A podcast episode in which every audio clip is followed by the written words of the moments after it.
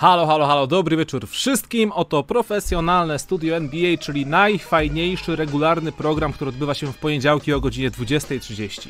Bardzo fajnie, że jesteście. Bardzo fajnie też również, że, że ty, Bartek, tu jesteś. Siemanko. Cześć Łukasz. Cześć to jest Bartek. najlepszy, Jak... tak, regularny program. Najlepszy w poniedziałki o 20.30. Nie regularny nie... program o koszykówce mężczyzn. Tak. Tacy jesteśmy. Bardzo fajnie wszyscy czatujący, że jesteście. Pierwszy już donate od Spriroya wleciał, kącik miłości New York Knicks na gifie, także spoko.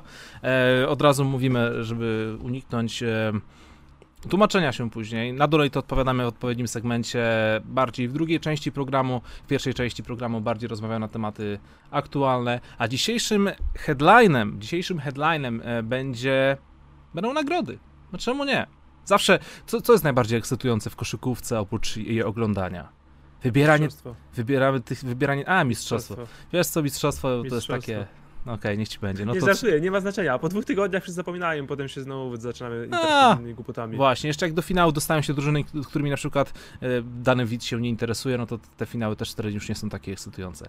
Ale zawsze wszystkich jara to, żeby wypunktować, pokazać palcem. Ten jest najlepszy, a ten nie jest najlepszy, a ten to w ogóle o nim nie rozmawiajmy, bo on nawet do, do im nie dorasta do pięt.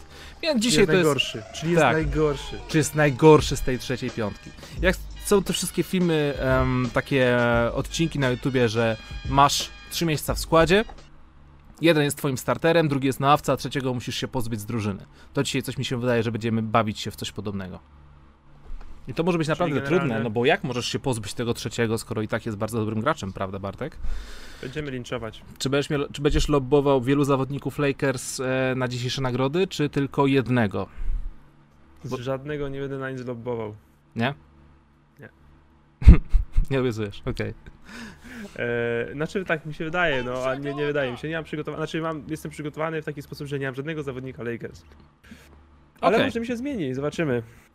Okej, okay, zobaczymy. To, wie. Jestem pewny, że to na czacie bardziej, będzie bardzo wielu ludzi, którzy nie mogą się doczekać na argumenty propsujące Lakersów, a wydaje mi się, że dzisiaj będziemy dużo propsować Utah Jazz. Oni mają dużo kandydatów w wielu różnych kategoriach, coś mi się wydaje.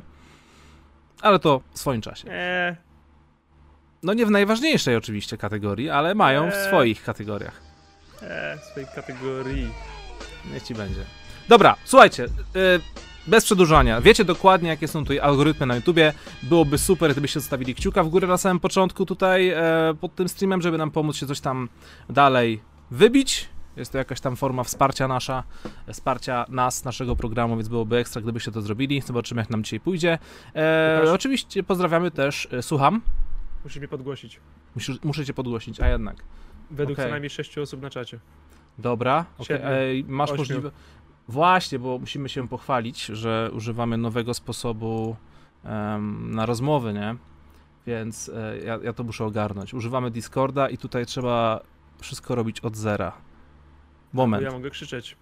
Ale Możesz... ja będę krzyczał dopiero przy nagrodach. Będę krzyczał przy Defensive Player of the Year. Zobaczycie. Okej. Okay. Wiesz co? Nie wiem, jak cię podgłośnić. o, wiem, czekaj. O, powiedz coś teraz.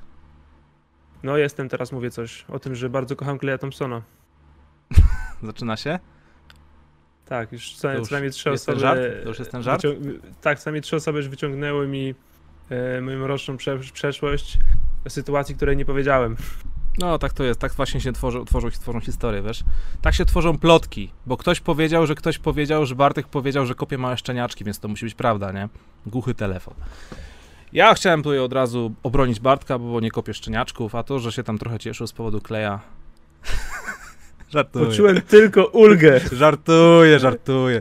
Dobra, jakby co, to zapraszamy wszystkich, żebyście powrócili do tamtego streamu i posłuchali słowo w słowo, co Bartek powiedział, bo nigdy się nie cieszył z żadnej niczyjej kontuzji, nikomu nie życzy źle. Zresztą nikt z nas nie życzy źle. To jest sympatyczny stream. To, to, tutaj są dobrzy ludzie, serdeczni, sympatyczni. Czasem, czasem tylko się zdarzy na czymś temat odpalić, ale to tylko i wyłącznie z czystej sympatii oraz chęci motywacji i pchnięcia ku lepszemu. Tych Dokładnie. wszystkich zawodników, którzy nas słuchają. Tak, Dokładnie tak. No i co? No i tak jeszcze na, w ramach wstępu pozdrowienia dla aplikacji typerskiej Noin. E, czyli aplikacji, której typujemy mecze NBA. Totalnie za friko.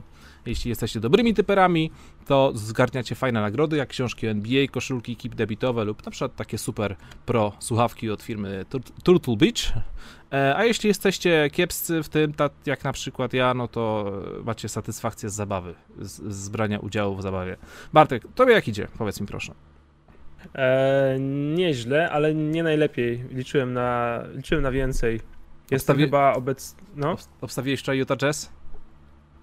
e, obstawiłem wczoraj Utah Jazz i pomyliłem się. Mhm. E, jestem obecnie, już sprawdzam, na 131 miejscu.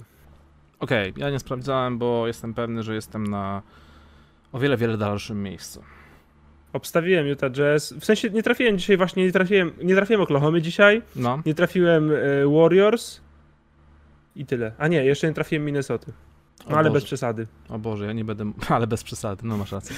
E, ja nie będę mówić swojego miejsca, ale to nie jest żadna tajemna wiedza, ponieważ jak się zalogujecie na Noinie, to od razu widać, które ja mam miejsce, bo jestem założycielem tej ligi, także niestety. Wystarczy jest- bardzo chcieć. Wystarczy I wiele bardzo- do was przyjdzie.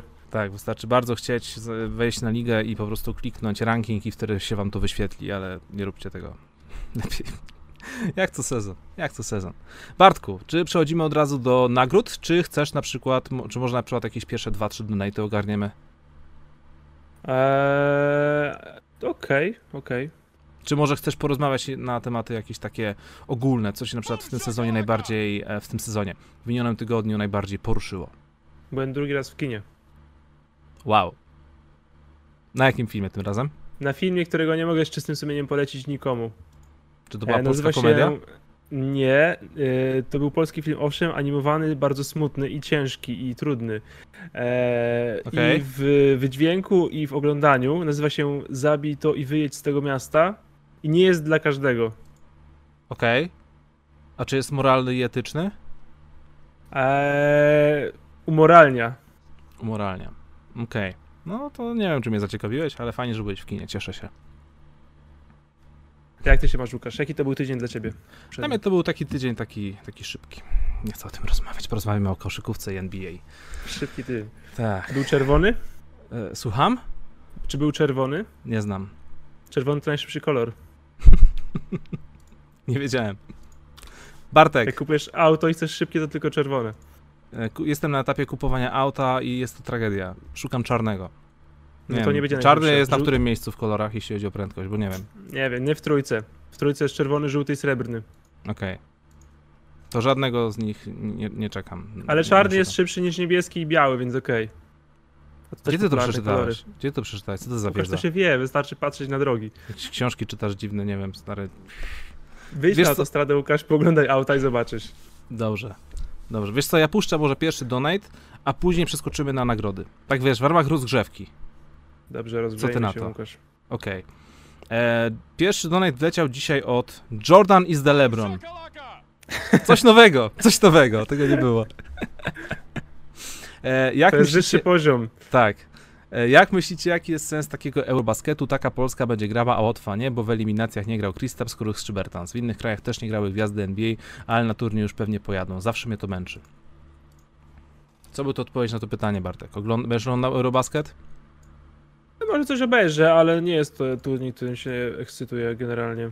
Też się pod tym podpisuję. Ja będę po prostu oglądał to, żeby e, poczynić e, narodową powinność kibicowania biało-czerwonym, ale nie. Być może jakiś To jest osobny... bardziej takie oglądanie, jak oglądasz kogoś, kto robi coś spoko w necie, żeby właśnie nabić mu wyświetlenia i zasięgi, bo chcesz, żeby robił dalej tą robotę. Na przykład chciałbym, żeby polska koszykówka była w telewizji, No. nawet jeśli bym tej koszykówki sam nie oglądał cały czas, ale fajnie, żeby była, więc włączę. O. Jeśli włączę ten mecz na przykład na dwóch telewizorach i, i nie wiem, dwóch monitorach na, w jednym domu, to, to policzy to poczwórnie w statystykach? Nie wiem, możesz też namówić rodziców, wtedy będziesz miał pewność. To tak zrobię. To tak zrobię. Wybacz za taką bardzo prostą odpowiedź, ale niestety, jeśli chodzi o europejską koszykówkę, to, to nie ja. Nie wiem, Bartek jak ty, ale na pewno nie ja. E, drugi. Czekaj, potężny Jimmy tutaj wleciał. Za chwilkę, za chwilkę. Szybka, szybka dyskusja z Donatem. tak. E, drugi donate odnośnie komentatorów. Cześć, którego z komentatorów duetów komentatorskich NBA najbardziej lubicie słuchać? Jak oceniacie jakość polskiego komentarza? Bęk. Dzięki wielkie Spriroy. Pozdrawiam serdecznie. Za chwilkę twój donate się wyświetli, bo tu zawsze jest jakaś taka kolejka. Cały czas nie ogarniam tych, tych, tych, tych tutaj technikaliów. E, ja osobiście nie oglądam Kanal Plus, ale chciałbym bardzo pozdrowić e, Bartosza Tomczaka, któremu udało się dostać tam do, do ekipy i, i skomentować. Z chęcią właśnie posłuchał, co, jak Bartek to komentuje, bo słyszałem bardzo dużo pozytywnych e, opinii na ten, temat, na, na, ten temat, ale no niestety nie mam dostępu do Kanal Plus. E, no, i, no, i, no i nie słyszałem jeszcze ani razu, więc, e, więc tak. Ja słyszałem kilka razy, jak jeszcze komentował przed Kanal Plus, tam na różnych y, jakichś platformach w internecie i zawsze była to czysta przyjemność, więc polecam, polecam z czystym sumieniem. Ja widziałem tam pojedyncze highlighty właśnie komentarskie, Bartek czasem zamieszcza na swoim Instagramie. To właśnie fajne jest to, że nie boi się pokazać emocji. Widać, że to nie jest tylko idziemy do pracy być profesjonalistami, tylko idziemy do pracy być profesjonalistami, ekscytować się tym, czym, czy, tym co kochamy. I to więc to jest naprawdę, naprawdę spoko. Mm, a jeśli ja zawsze o... wolałem komentatorów, którzy są fanami i się bardziej ekscytują niż taki, Subiektywność który... jara, nie? No kurczę, o to chodzi, nie? Przecież to nie jest tak, że ja, ja wiesz, nie zamawiam sprawozdania tak. osoby, która mówi teraz ci zawodnicy w czerwonych koszulkach rzucili o punkt więcej w akcji niż ci w srebrnych w akcji poprzedniej. Tak. Dokładnie. Tylko A... labelo za trzy, o to chodzi, tak jest. tak jest. A jeśli chodzi o komentatorów duetów komentatorskich NBA, masz jakichś ulubionych? Bo ja pod tym względem tutaj częściej oglądam na wyciszeniu. Ja no, bardzo często oglądam bez dźwięku, bo słucham innych rzeczy w międzyczasie. Jest, wielozadaniowość eee... jest w cenie. Tak, tak, tak, No w sensie, bo samo oglądanie i słuchanie podcastu to jest ok, tak, taka dawka informacji, którą mogę przyjmować, że obie, obie, oba źródła mogę przyjmować w miarę efektywnie. Mhm. E, lubię duet komentatorski z Charlotte właśnie, skoro już wspomnieliśmy. E, oni są ok, tak. czego nie wiedzieliśmy, bo nikt, nikt nie oglądał, aż przyszedł tam Lamelo i zbawił tą drużynę najprawdopodobniej. E, są ok też komentatorzy Miami. I z jakiegoś powodu, którego nie potrafię wyjaśnić, są ok w Dallas. Nie lubię Toronto.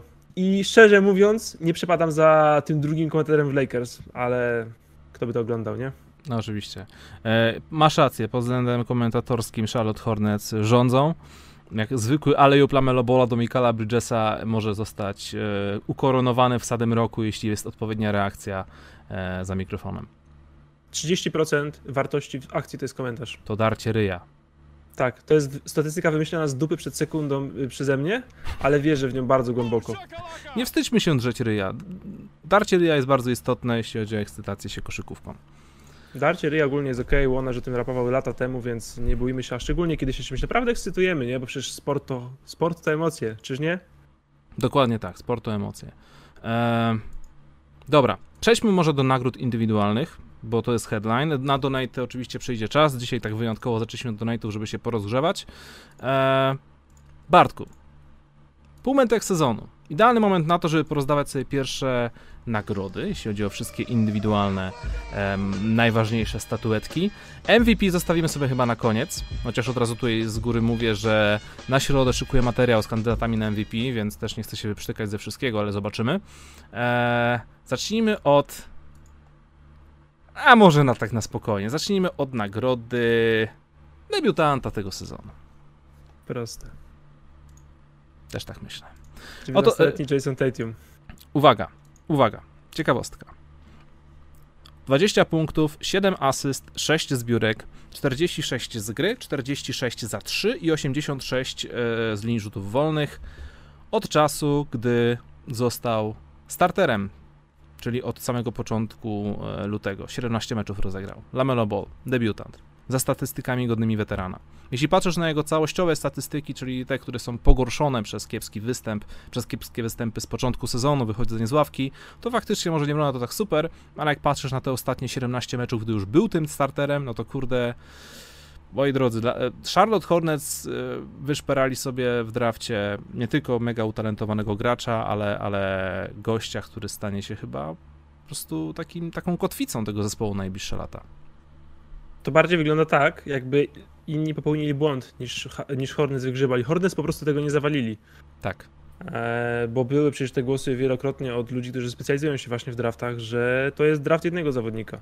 Mhm. I o ile jeszcze Warriors mogę rozumieć, bo ciężko oceniać Wisemana po tym, jak zagrał 2,5 meczu w swojej karierze zawodowej w mhm. koszykówkę i, i wcześniej, wiesz, jakieś inne rzeczy w ogóle robił, nie grał w koszykówkę, e, to no ciężko, ciężko mi tutaj jakkolwiek uzasadnić wybór Edwardsa przed Lamelo.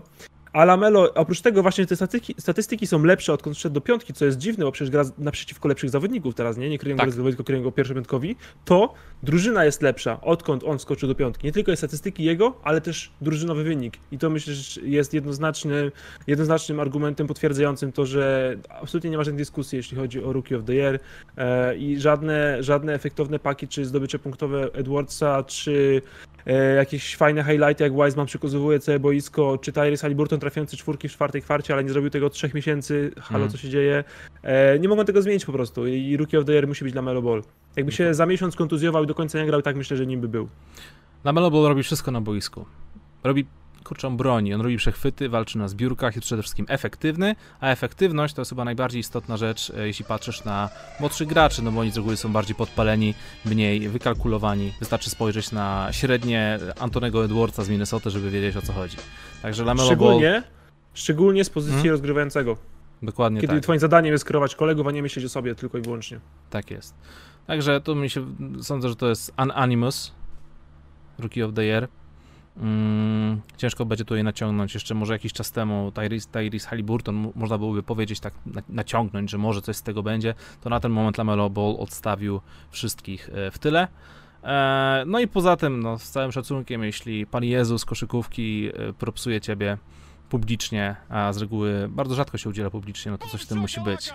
Michael Jordan powiedział, że myślę, że Lamelo przystosował się do gry w NBA lepiej niż ktokolwiek z nas mógłby w ogóle o tym myśleć, niż ktokolwiek z nas e, mógłby to zrobić na takim wczesnym etapie kariery.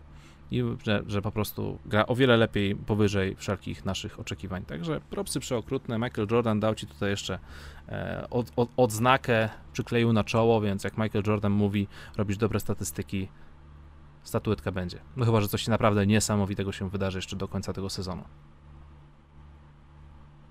Tak, ciekawe będzie właśnie drugie, trzecie miejsce, albo pierwsza piątka, ale na to jeszcze jest czas. Tak. To co? Coach of the Year? I tu zaczniemy pewnie dyskusję, bo to już nie jest tak łatwo. Ja powiem ci, e... zawsze, zawsze jak patrzę na e, nagrody trenerów sezonu, to wiadomo, że z reguły patrzy się na zespoły, które no, są na samym, na samej szczycie konferencji, że świetnie im idzie, um, ale często te zespoły na szczycie konferencji mają w swoich składach wiesz, głównych kandydatów do MVP, albo, albo w ogóle są jakimiś super teamami, e, a mnie bardziej fascynuje, kiedy trener ze swoją drużyną osiąga wyniki o wiele lepsze niż każdy by się tego spodziewał przed rozpoczęciem tego sezonu. I w tym momencie według mnie dwa koronne przykłady to Quinn Snyder z Utah Jazz, e, czyli gość, który doprowadził bądź co bądź świetną drużynę, ale nikt się nie spodziewał, że oni będą liderować całej lidze.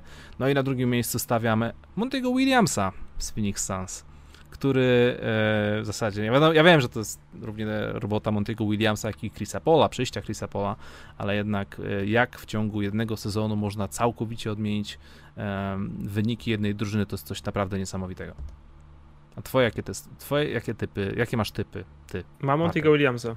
Monty'ego Williamsa, okay. ponieważ drużyna jest dużo lepsza niż była i jeszcze jest lepsza niż się spodziewałem, bo to, że będą w playoffach, to było jakby spodziewany rozwój tej drużyny, nie? która mhm. jest y, złożona głównie z młodych zawodników, którzy się rozwijają, plus wspaniały weteran, jakim jest Chris Paul, e, ale to, że będą walczyć o przewagę, y, o przewagę parkietu w pierwszej rundzie, to nie jest coś, czego się spodziewałem. Mhm. Myślałem, że takie drużyny jak Dallas Mavericks, e, czy Denver Nuggets, czy, czy czy Portland Trail Blazers zdecydowanie będą wyżej, a Phoenix Suns są naprawdę wysoko, nie są przypadkiem i wygrywają seryjnie, wygrywają pewnie, grają bardzo fajnie, grają bardzo poukładanie i to jest y, wynik ponad stan. Nie mam Queena Snydera, bo moim zdaniem Queen Snyder miał znakomitą drużynę, zrobił z niej super drużynę, ale to jest drużyna, która praktycznie jako jedyna z nie miała żadnych problemów covidowych, nie miała prawie żadnych problemów y, z kontuzjami, y, gra bardzo długo razem i powinna, ona powinna się stawać lepsza, i ciężko się powiedzieć, że jakby nie przekroczyli moich oczekiwań, bo są najlepszą drużyną w lidze według bilansu,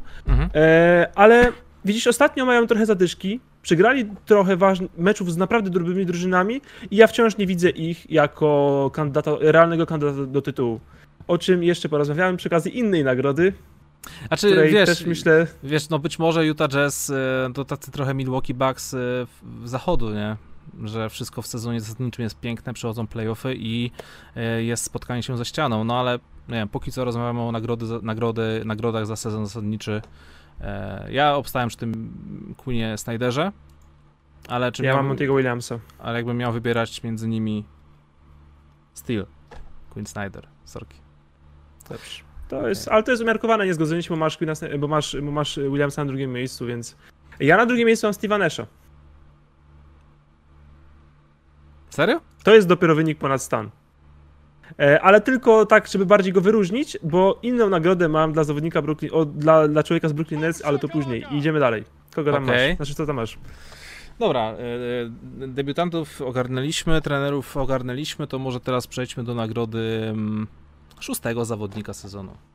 Dobrze, to też jest całkiem proste. Jordan Clarkson.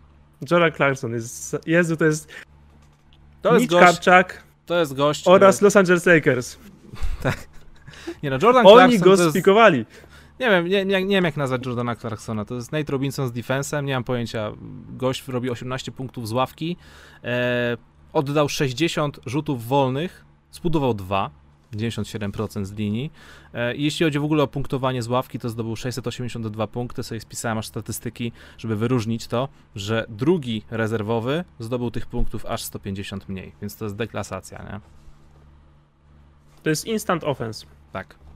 To jest y, po prostu wpuszczasz go na boisko i wpuszczasz 15 punktów na boisko jego, nie jego, efektywne. E, może grać w niższych ustawieniach na końcach, koniec meczów, grać w crunch, nie ma problemu. E, nie odstaje tak całkiem defensywnie, a to wciąż jest pik drugiej rundy. Wielki Mitch Kapczak, wielcy Los Angeles Lakers, bardzo dobrze pikujący z dalekich numerów, o czym się oczywiście nie mówi.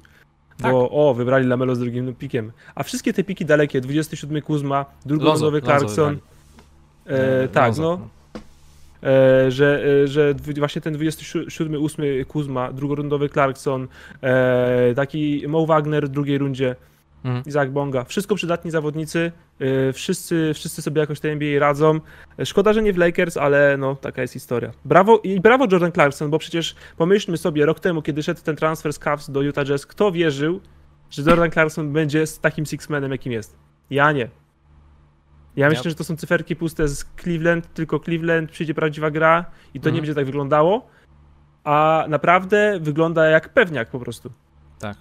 Więc propsuję bardzo Jordana Clarksona. W sumie jak teraz powiedziałeś o tych, e, e, zawsze bardzo fajnie mi się, ba, bardzo mi się podoba, jak e, zawsze przemycisz jakiś komplement dla Lakersów, kiedy rozmawiamy o tematy zwią niezwiązane z Lakersami. I tak mnie ciekawiłeś tutaj. E, z, można byłoby stworzyć bardzo fajną drużynę spośród wszystkich zawodników, którzy zostali wybrani przez Lakersów w drafcie przez ostatnie kilka lat, tak sobie myślę. Tylko czy, byłaby to, czy, no? tylko czy byłaby to drużyna playoffowa? Lonzo Ball, mm. Jordan Clarkson, Brandon e, Ingram, Ingram, Julius, Randle. Rand, Julius D'Angelo. I, I, Thomas Bryant. Thomas Bryant na centrze. No Thomas tak, Bryant. Tak. I, I z ławki D'Angelo, Isaac Bonga, no. Josh Hart. Tak, Josh Hart jeszcze właśnie. Stary, na wschodzie. Świetna ekipa. Sky's the limit. Dokładnie. Przegraliby w siedmiomeczową, yy, siedmiomeczową serię z Atlantą? Raczej nie. Pomyślcie o tym w wolnym czasie. Pomysł na materiał. Okej. Okay. E, to co? Bo my tak lecimy chyba od tych najmniej seksownych nagród, idziemy e, coraz wyżej. Dobra, MIP, tu możemy troszkę podyskutować, mi się wydaje. Jeszcze jest jedna mniej seksowna. Chyba, że nie wybieramy, bo nie wiedziałem, ale się przygotowałem na wszelki wypadek. Czy wybieramy e, executive? executive? Tak, no. Nie, nie myślałem o tym w ogóle. To szkoda. szybko. Dobra, to po, powiedz e... mi, jaki jest twój typ na executive? Sean Marks, Brooklyn Nets. Okej. Okay. Największy transfer, najbardziej udany transfer jak na razie w tym sezonie. Tak. Drużyna, która e, nie była dość dobra, przed sezonem, tak przynajmniej myśleliśmy, została mhm. ulepszona. I w tym momencie wygląda super. Jak co z tego wyjdzie? Zobaczymy. E, ale myślę, że w tym momencie, bo to też się zawsze daje po sezonie i ja myślę, no. że tak naprawdę tą nagrodę dostanie albo menedżer Nets, albo Lakers, w zależności od tego, który z nich wygra tytuł. Lecimy dalej. Okej, okay, lecimy dalej. Zapraszamy wszystkich do stawienia kciuka w górę oczywiście, bo widzę was, już was tutaj troszkę się nazbierało w międzyczasie. Eee, No, także ja, ja już powiedziałem, Bartek, następnym razem ty możesz powiedzieć. Jakby co? Mm. Dobra, to co? E, MIP. Bardzo chciałbym tutaj wybrać sobie na przykład Jeremiego Granta. Wydaje mi mhm. się, że to jest taki jeden z tych najbardziej popularnych typów, no bo otrzymujemy roleplayera, który dostaje się do kiepskiej drużyny i w sekundzie staje się ich e, bądź co bądź gwiazdą. Mhm. Ale nie wiem, czy lip zrobiony przez Juliusa Randla, e, lip z gościa, który robi puste stacy, do gościa, który nie dość, że jest All-Starem, nie dość, że jest liderem drużyny, która załapała się na piąte miejsce konferencji i będzie grać w playoffach. Najprawdopodobniej chyba się coś strasznego wydarzy. E, nie dość, że uprawił swoje statystyki punktów, zbiórek i asyst zwyż, to przede wszystkim jest o wiele bardziej efektywny, produktywny. On nauczył się rzucać trójki, jak była pandemia, Bartek. To jest naprawdę props przeogromny. Um, no jeszcze double-double robi, to, to, już tak, to, to już tak dodatkowo. Więc, wiesz, serce podpowiada, że bardziej Jeremy Grant, ale Chyba mi się wydaje, że Julius Randle zrobił, zrobił większy postęp. Okay, czy, jeszcze, czy, ktoś, czy, ktoś jeszcze, czy ktoś jeszcze inny? Tak. Yy, mam. Jakbym musiał głosować, mhm. zagłosował na Granta, ale kogo bym chciał tutaj wyróżnić? Yy, no to Shai Gilgis Alexander. Mhm. Ciągnie tak gówniany skład i nawet go ciągnie. I naprawdę jest niesamowicie efektywny, mhm. mimo nie najlepszego spacingu tej drużyny, mimo wielu roszad kadrowych i mimo czystych intencji managementu, żeby meczów nie wygrywać, mhm. on jest tak samo w grze do e, play-in z tą drużyną jak Pelicans w tym momencie. E, I to też nie jest jakby. On jest zbyt dobry. Oklahoma ma problem. Oklahoma chciałaby być dużo gorsza, ale nie ciężko jest być tak złym szajem w tym sezonie. E, pytanie właśnie, czy on nie jest zbyt dobry na tankowanie, a zbyt słaby na to, żeby być pierwszą opcją, to się dopiero okaże, bo wciąż jest mhm. młody, ale chciałbym go to wy zdecydowanie wyróżnić. Yy, Randla też miałbym w trójce, jakbym musiał głosować, ale zagłosowałem chyba wciąż na Jeremiah Granta, bo, mm, bo wierzyłem w Randla, kiedy pikowali go Lakers i ja miałem nadzieję, że ten, ten postęp jego się wydarzy, a Jeremiah Grant w Pistons, pierwsza opcja, kozłująca opcja w pick and roll, to jest coś, czego ja w ogóle nie widziałem. I to też znowu przekroczone oczekiwania i jest, jest presja wyniku. Znaczy wiadomo, nie chodzi o wygrywanie, ale taka, ej, jesteś naszym najważniejszym gościem, daliśmy ci pieniądze, rób rzeczy, on robi rzeczy.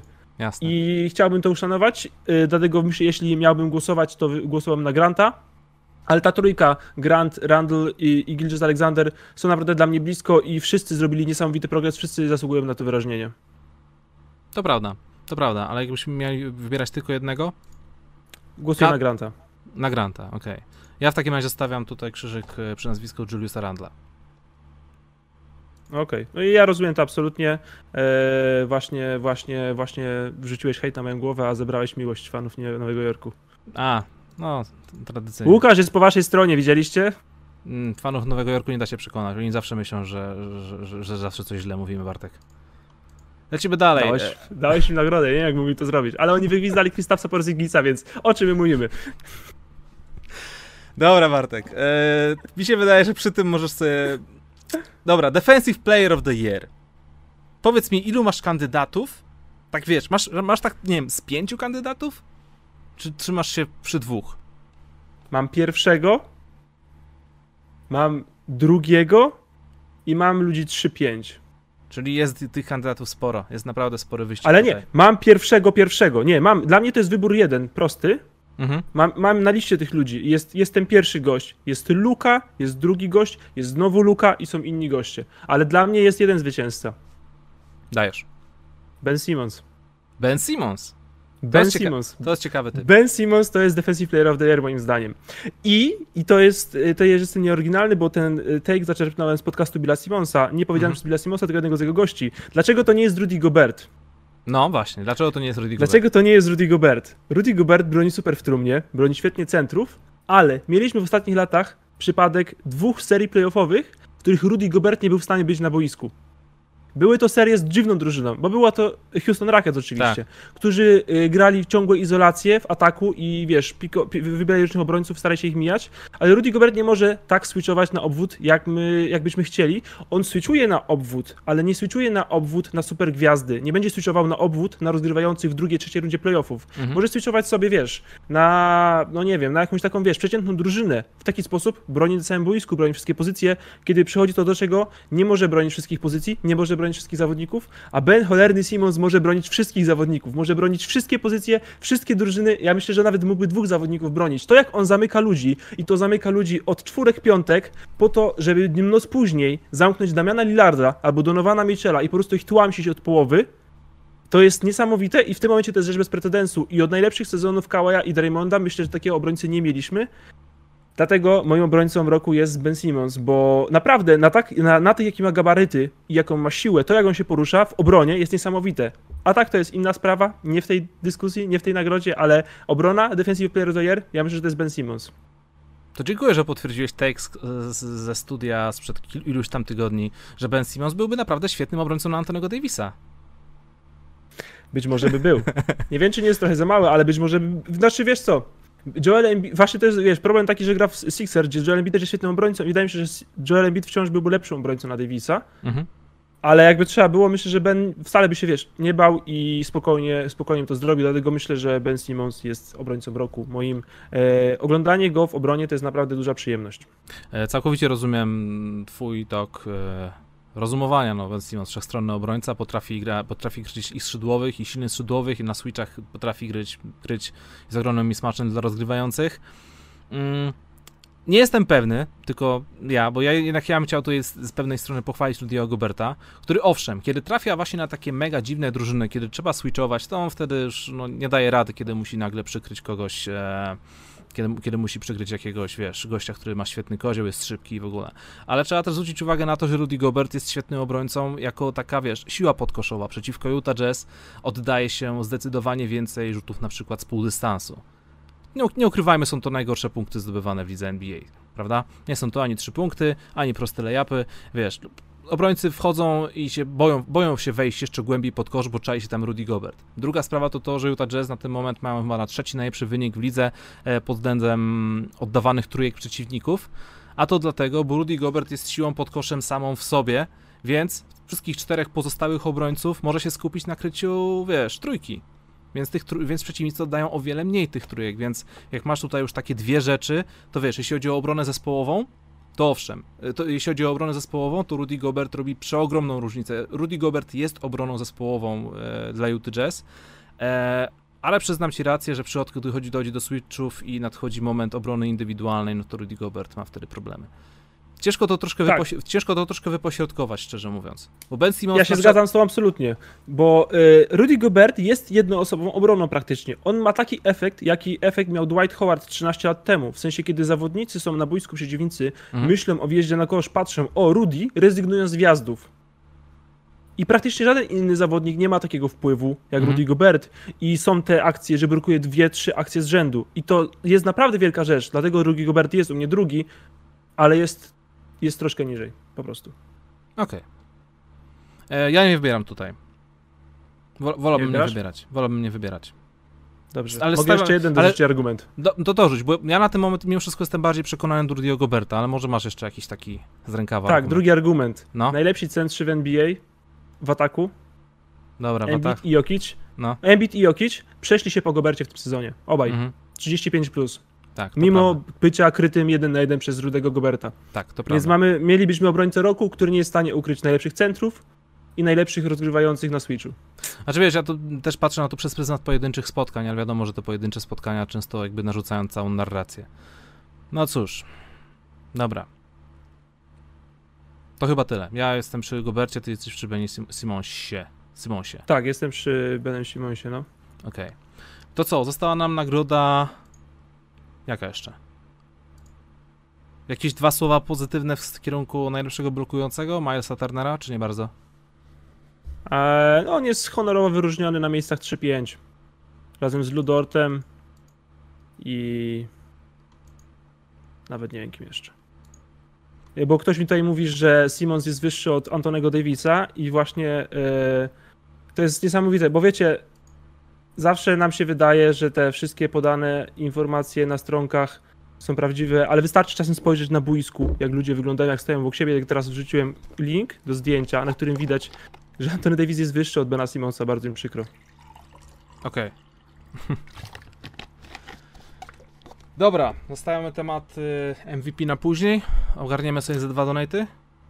Yy, a nie brakuje nam A czekaj, wszystko zrobiliśmy? Chyba tak, szybki temat, nie? Okej, okay, dobra, to możemy, możemy tak zrobić, no. Dobra. Kolorek wleciał z donatem, a um, yy, ten donate wleci później oczywiście, bo to lecimy po kolei, chronologicznie. Ok, donate od yy, Eryka. Wleciał ten donate o 20.34, więc już pół godzinki czekał. Pozdrawiamy Ciebie, Eryk, bardzo serdecznie. E, za chwilę się pojawi. E, cześć, patrząc na dotychczasowy przebieg sezonu, które teamy zrobiły najlepszy handle po ubiegłych, e, najlepszy handle, najlepsze handle, że handel, zrobiły najlepsze handle po ubiegłych rozgrywkach oraz pytanie bonusowe, dlaczego tak stosunkowo niewielu w sumie słynnych koszykarzy gra w lidze, a jeszcze mniej zostało All-Starami. Więc może pierwsza, pierwsza część pytania. E, które teamy zrobiły najlepszy hand, najlepsze handle po ubiegłych rozgrywkach? No to Bartek już powiedział. Najlepszy ex, ex, Executive of the Year Sean Marks. Tak. No, Brooklyn Nets można lubić lub nie lubić. Można wierzyć lub nie wierzyć. E, ale zgarnęli najlepszego zawodnika, jaki był dostępny w wymianie w tym sezonie. Mhm. Więc wygrywasz wymiany, zdobywając najlepszych zawodników w wymianach. E, Bruce Brown. Mhm. Diament przechwycony, też prawie z Afriko.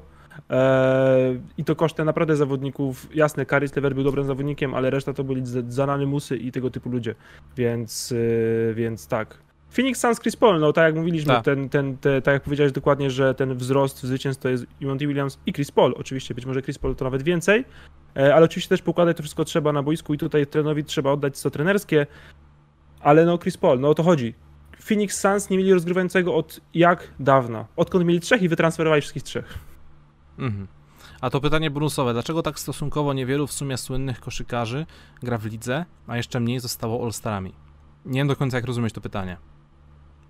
Też czy, nie wiem. Czy chodzi o koszykarzy, którzy już po prostu, nie wiem, byli starzy i, i, i poszli na emeryturę?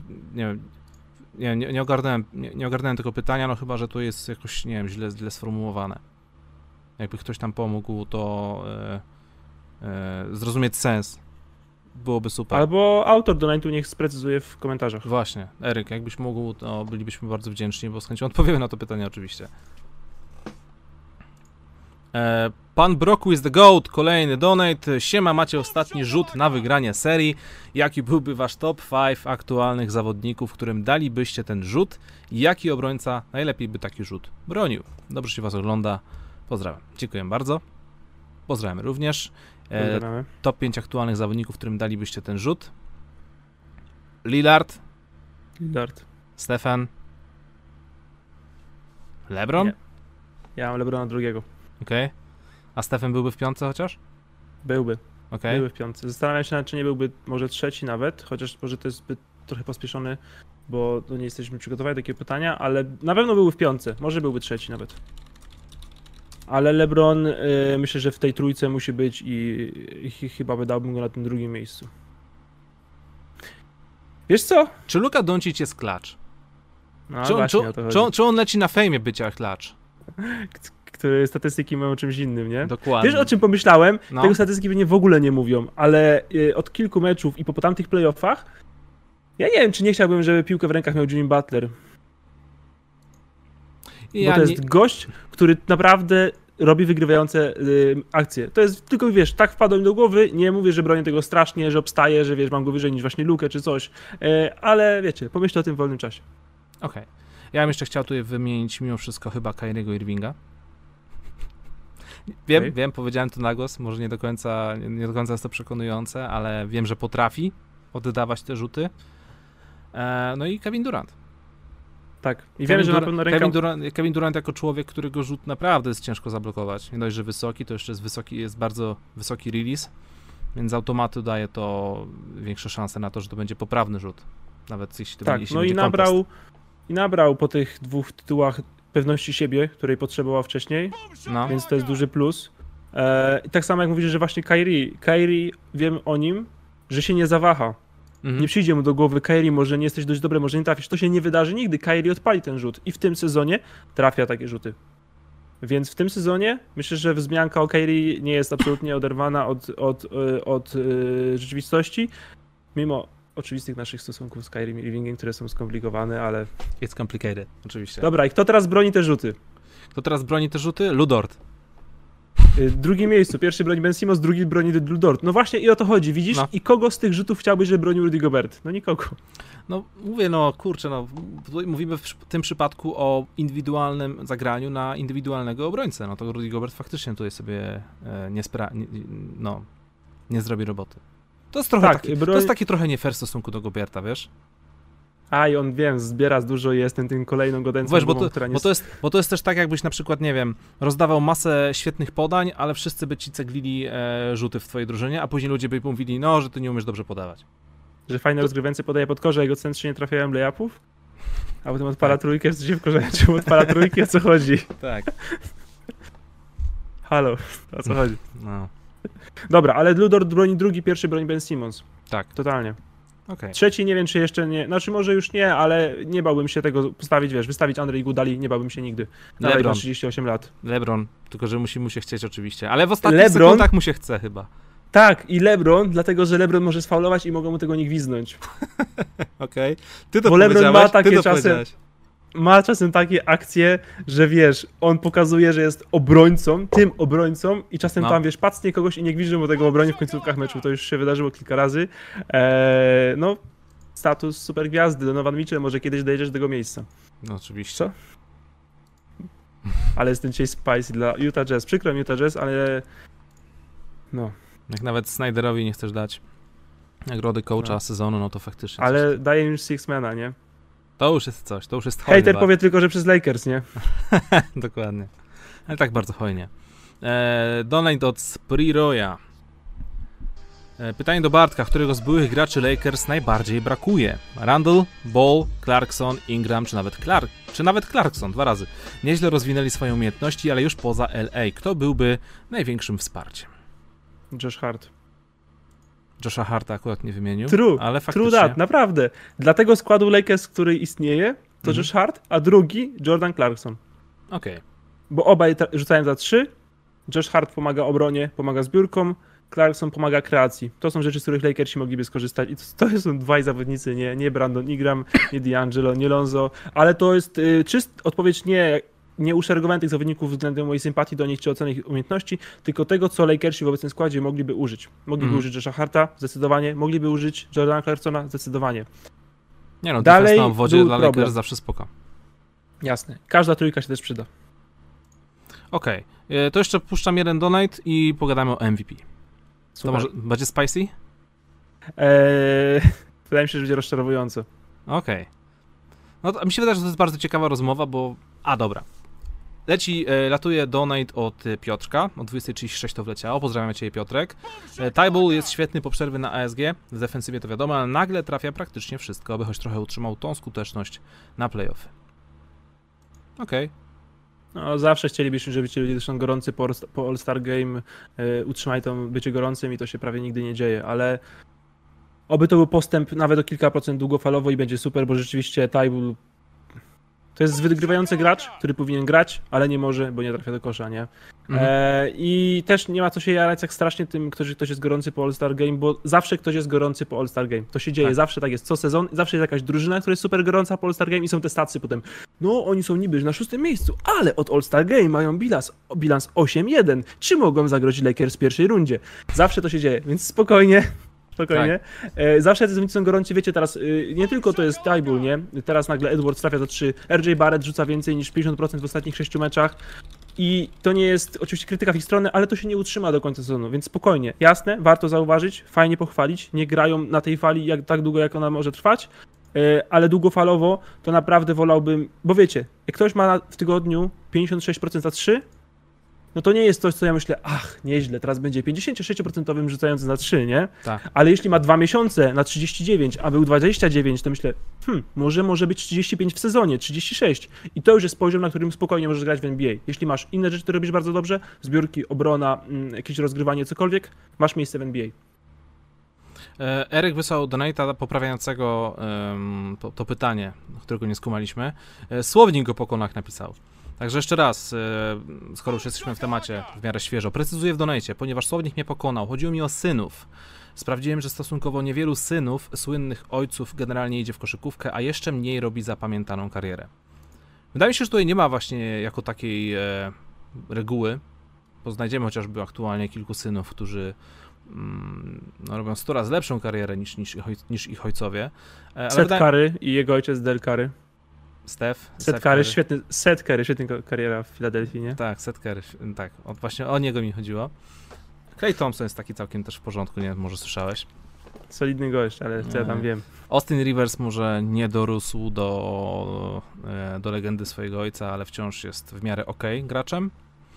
Tam się jeszcze kilku znajdzie, no ale y, mi się wydaje, że jest takie troszkę błędne przeświadczenie, że skoro jesteś synem koszykarza zawodowego, to z automatu dostajesz super geny, chęć, chęć pracy, determinację i w ogóle, a to chyba tak nie działa. I chociażby, nie wiem, koronnym przykładem niech będą nie, chociażby synowie Michaela Jordana, czy, czy, czy nie wiem, mm, in, in, innych wielkich po prostu. Wiesz co, ja myślę, że to jest trochę że to jest zagadnienie takie bardziej socjologiczne i z, bardziej z psychologii, że jakby ich ojcowie zazwyczaj koszykówką wyszli z biedy, osiągnęli jakiś status społeczny, więc oni o tę koszykówkę walczyli po prostu jak życie, bo to w sumie tak. było ich życie. A ci chłopaki, oni się urodzili bogaci, oni muszą nie mieć, musieli. Oni muszą nie mieć, musieli. muszą mieć determinację sami w sobie. No, nie muszą tak, się starać, i to jest tak, że to drugie pokolenie nie ma tej jakby nie ma tej motywacji, mhm. takiej właśnie, wiesz, zwiększenia statusu społecznego, jakiejś takiej, żeby coś udowodnić i w ogóle. Nie chcę tutaj używać słowa rozpieszczenie, bo to jest wiadomo, bo nie, nie o to do końca chodzi, mhm. ale tak to trochę jest, że te kolejne pokolenia, to jest tak samo często, jak ktoś na przykład w biznesie robi karierę, nie, że ojciec robi super, wiesz, sprawę, imperium biznesowe, bla, bla, bla, przepisuje na dzieci i dzieci to trwonią dzielą, wiesz, przegrywają, nie udaje im się, bo po prostu im tak nie zależy i tak się po prostu nie starali, nie? Bo to przecież, y, no, nie jest tak, że właśnie ci, ci wiesz, no wątpię, że e, syn Wade'a mhm. czy Gargo Paytona trenował tak ciężko jak ich ojciec. Tak. Bo efekty byśmy widzieli, bo nawet jeśli nie jest tak utalentowany jak ojciec, to właśnie jakby jest trochę uchyleniem tych drzwi, to, że jesteś, wiesz, synem znanego ojca i myślę, że wcale nie mają trudniej się dostać, bo nikt ich jakoś gorzej nie ocenia, tylko muszą coś pokazać i nie robią nawet tego, nie? No tak, ale wiesz, mi się e, wydaje, że w NBA też nie ma jako takiego nepotyzmu. Może przychylniej się na nich patrzy na testach. No o, tak, dobra, jesteś, jest... jesteś synem Johna Stocktona, więc cię weźmiemy. No dobra, ale mhm. syn Johna Stocktona pograł ile? 5 sekund, stwierdzili, że to nie jest to, to nie jest w ogóle materiał na takiego zawodowego koszykarza tak, tak, NBA, tak. Więc na razie nie będziesz dał tylko dlatego, że jesteś synem Johna Stocktona. Tak, ale dostaniesz szansę wpaść na testy, więc jakby mówię, te drzwi są troszkę bardziej uchylone, mhm. może jest im łatwiej spróbować, ale na koniec muszą po prostu pokazać, że tego chcą, że im zależy, że pracują.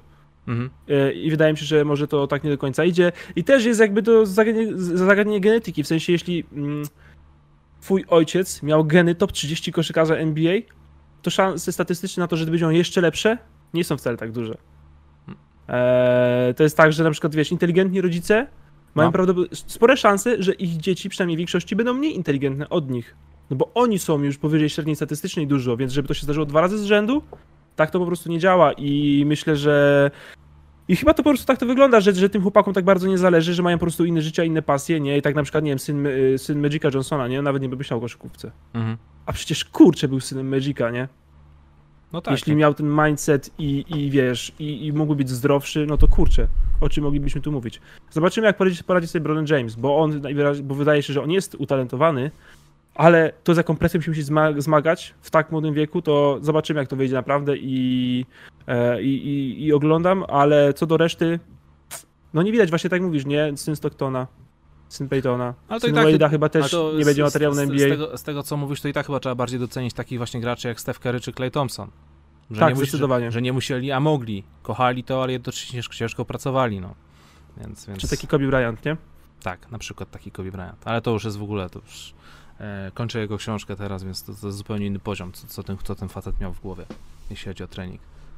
Dobra, mm, po, wiesz co, chwila przerwy od donate'ów, lecimy z MVP, po MVP kącik typerski Noin i lecimy z kolejnymi donatami.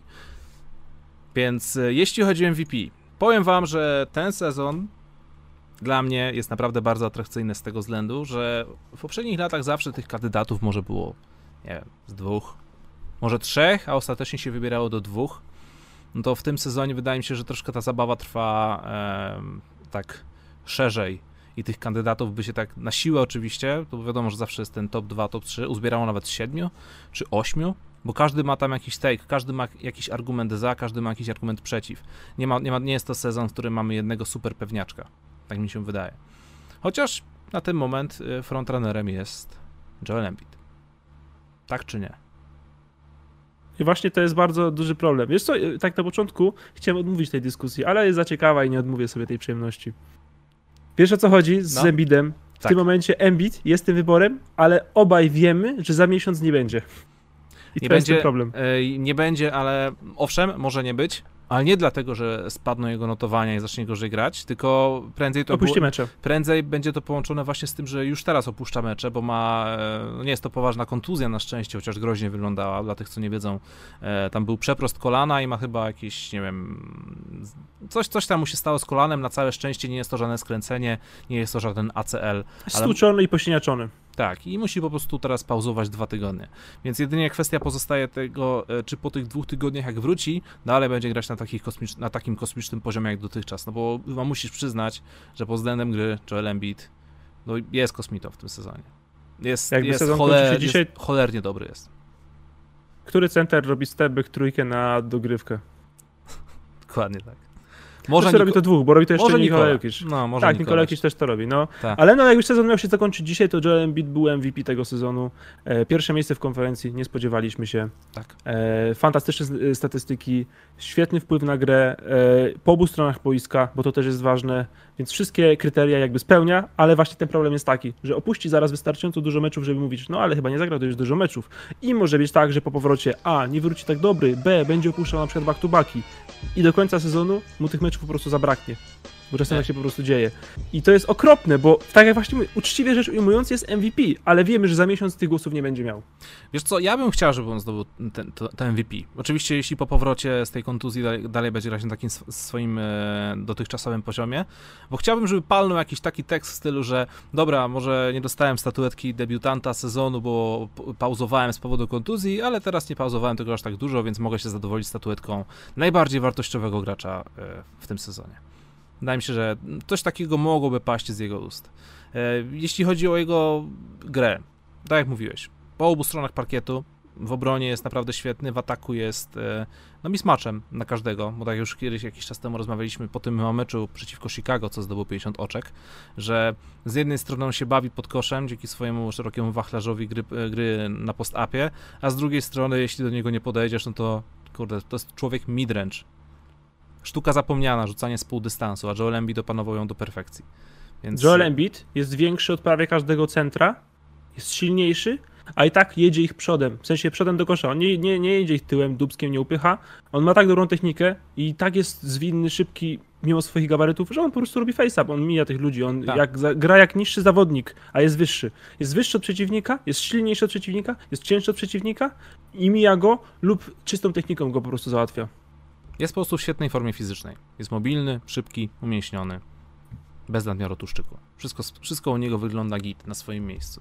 Tym e, gorzej właśnie, że ta kontuzja teraz się przedrażyła, bo też to mówił chyba Tobias Harris, że jak szkoda właśnie mu jest Joela i tak dalej, bo wie jak dużo kosztowało go, żeby być w takim rytmie, mhm. żeby jakim jest, nie? Bo Joel właśnie to, wiem, że on potrzebuje grać, on nie może grać bardzo dużo, ale musi grać dużo i często, regularnie. To jest tak, mhm. jak są, jak to jest, jak na przykład siedzi na ławce i jeździ na rowerku, nie? No. Bo to jego ciało nie jest idealne, wiemy o tym. Nie, nie jest y, tytanem, to nie jest tak, że te kontuzje zniknęły, obróciły się już w ogóle to nie grozi. On musi naprawdę o siebie dbać i się pilnować.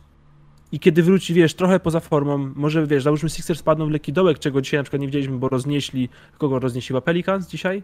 Be, be, bez, bez Embida. I to jest e... właśnie, to, według mnie to jest mega sprawa. Bo to jakby to oni, jest... teraz, oni teraz sobie budują um, swój charakter bez obecności Embida i to się może potwornie przydać w samych playoffach. Tak, i dobrze, żeby wygrywali, bo właśnie, żeby nie było takiej narracji, Embiid musi szybko wracać, nas ratować. I on wraca szybko, gra 40 minut w pierwszym meczu i w drugim łapie kontuzję w drugiej minucie, jak Kevin Love za każdym razem. Mm. za każdym razem. Ostatnio znowu dwie minuty wytrzymał, dwie minuty. 30 o, minut za sezon. O, staw Kevina, on jest... To zagra. E, Kevin, twoje zdrowie. Ale tak. No cóż, yy, więc Embiid pierwszy. Kogo masz na drugim miejscu? Na drugim miejscu e, Exequo Nikola Jokic i LeBron James. Yy, LeBron James. No, Nikola Jokic też, dobra, muszę oddać. Yy, jestem, gdyby, a, a... gdyby Denver Nuggets byli wyżej, to po prostu mhm. bym nie, to nie byłoby żadnego egzekwo. Powiem nawet więcej. Gdyby, gdyby Denver byli na przykład na pierwszym miejscu w zachodzie, to nie wiem, czy bym nie stawiał Embida na równi z Jokiciem. Co byłoby precedensem, bo ostatni raz y, MVP powędrowało stricte do centra w 2000 roku. Tak. I ta dyskusja wtedy by się rozbijała, tylko raczej myślę, że o obronę. Ale na szczęście jej nie mamy, ponieważ Denver yy, zawalili off-season mhm. i po prostu nie są tak dobrzy. Ale to, co robi Jokic, to jest, to jest właśnie absolutny kosmos. Bo LeBron ma wyniki, ma markę i na koniec dnia wiemy, że jest najlepszym zawodnikiem po prostu. Mhm. Statystyki może tego nie oddają, nie mają oddawać, bo też on statystyk bardzo nie śrubuje, ale wiemy, że jest najlepszy i to też tak wstyd głosować na niego, nie głosować na niego znowu, wiesz, dziesiąty raz z rzędu, mimo tego, że wiemy, że jest najlepszy. Ale mhm. to, co Jokic robi w tym sezonie, to jest kompletny kosmos, po prostu kosmos i nie jest w stanie obronić niczego, ale kochamy go, bo jest piękny i wali te rzuty z głowy, to jest w ogóle, ja się muszę tego gdzieś nauczyć. Tego się nie tak bronić przecież, jak możesz to bronić? No nie da się. Powiem ci, że Nikola Jokic to jest dla mnie taki trochę gracz z przyszłości. Bo to jest naprawdę, to jest człowiek, który wychodzi na boisko i z automatu jakby e, psuje jakąś taką wizję koszykarską. Wiadomo, że już center dawno stracił swoją rolę typowego podkoszowego mm, typa, który sobie stoi, wsadza, zbiera, blokuje. E, i wszystko idzie bardziej w stronę tego small ballu. Taki, taki jest trend już od dobrych 10 lat, ale Nikolaj Jokic poszedł w taką stronę, że to jest, to jest, to jest oszustwo, kiedy masz 2-10 wzrostu, jesteś w miarę mobilny na swój wzrost, a mimo to potrafisz grać, poruszać się jak rozgrywający, jak skrzydłowy. To jest takie, wiesz, ciężkie do przykrycia, nie? On potrafi wyżarować każdą każde posiadanie w ataku, jakie potrzebujesz. W sensie, potrzebujesz trójki? Wyczaruje ci to. Potrzebujesz się upchnąć, wymusić faul? Wyczaruje to. Zostały 3 sekundy, daliśmy mu piłkę, jest do kosza, 6 metrów od kosza na, na zerowym kącie? Wyczaruje rzut za głowy. Tak. Po prostu zrobi wszystko, czego potrzebujesz. Zostanie podwojony lub potrojony, znajdzie każdego cholernego Willa Bartona na, na ścięciu na kosz. Brawo Nikola Jokic, ale przykro mi, bo wiesz, przykro mi z tego względu po prostu, że bo Denver jest bez szans w tym roku, jeśli chodzi o konteksty walki o mistrzostwo. Ale osłabili się. Okej, okay, dobra, no jeśli chodzi o konteksty walki o mistrzostwo, ale wciąż y, wydaje mi się, że są w stanie sporo powalczyć w tych playoffach. E, I na przykład takiego Jamala Murray'a dużo się mówi, że on nie daje sobie rady w tym sezonie, ale bardziej nie dawał z początku tego sezonu, bo teraz już, już zaczął chyba się troszkę ogarniać, tak mi się wydaje. I może Do Jokic... All-Star Game się ogarniał i po All-Star Game znowu się nie ogarniał. Czyli no, Jamal Murray i jego kariera. Słuchaj, najważniejsze, żeby był w formie na playoffy. W zeszłorocznych, w zeszłorocznych playoffach pokazał, że jest to do, do zrobienia, więc ale wiesz czemu tak się piekle? Bo to jest to, że ja się denerwuję na to, no. że, znaczy piekle się, denerwuję się trochę, że właśnie Nikola Jokic nie ma szans powalczyć mistrzostwo, to jest komplement dla niego.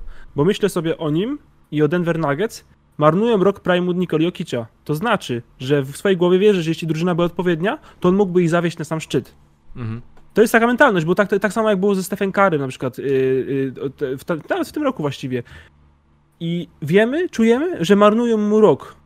To jest zmarnowany rok na to, jak on jest wspaniały. Za rok może tak nie być. Wiesz, te okienka w NBA zawsze są krótsze niż nam się wydaje, a on jest tak dobry, że szkoda, że nie ma tej drużyny obok siebie. Po prostu. I to jest komplement dla Jokicia. A jeśli chodzi o komplement dla LeBrona Jamesa? Bo chyba jest tak trochę taka niepisana zasada, że obojętnie na kogo byśmy nie głosowali w MVP, to chyba każdy e, gdzieś tam podświadomie wie, że to LeBron James jest tym naj-naj graczem w lidze. Bo po prostu jest. LeBron James jest najlepszym zawodnikiem koszykówki profesjonalnej mężczyzn. Tak. Ale, ale, naj... raczej, ale raczej nie otrzyma statuetki w tym sezonie. Ponownie. Zobaczymy. Pewnie nie. No pewnie nie i będziemy, znaczy Będziemy pewnie tego kiedyś żałować. Pomyślimy sobie na to z perspektywy czasu i powiemy, jak to się w ogóle wydarzyło. Jak to się wydarzyło? Będziemy oglądać, wiesz, będziemy oglądać e, Game One finał w 2018, mhm. będziemy oglądać Game 7 z Bostonem e, z tych, z tych 2016-2018.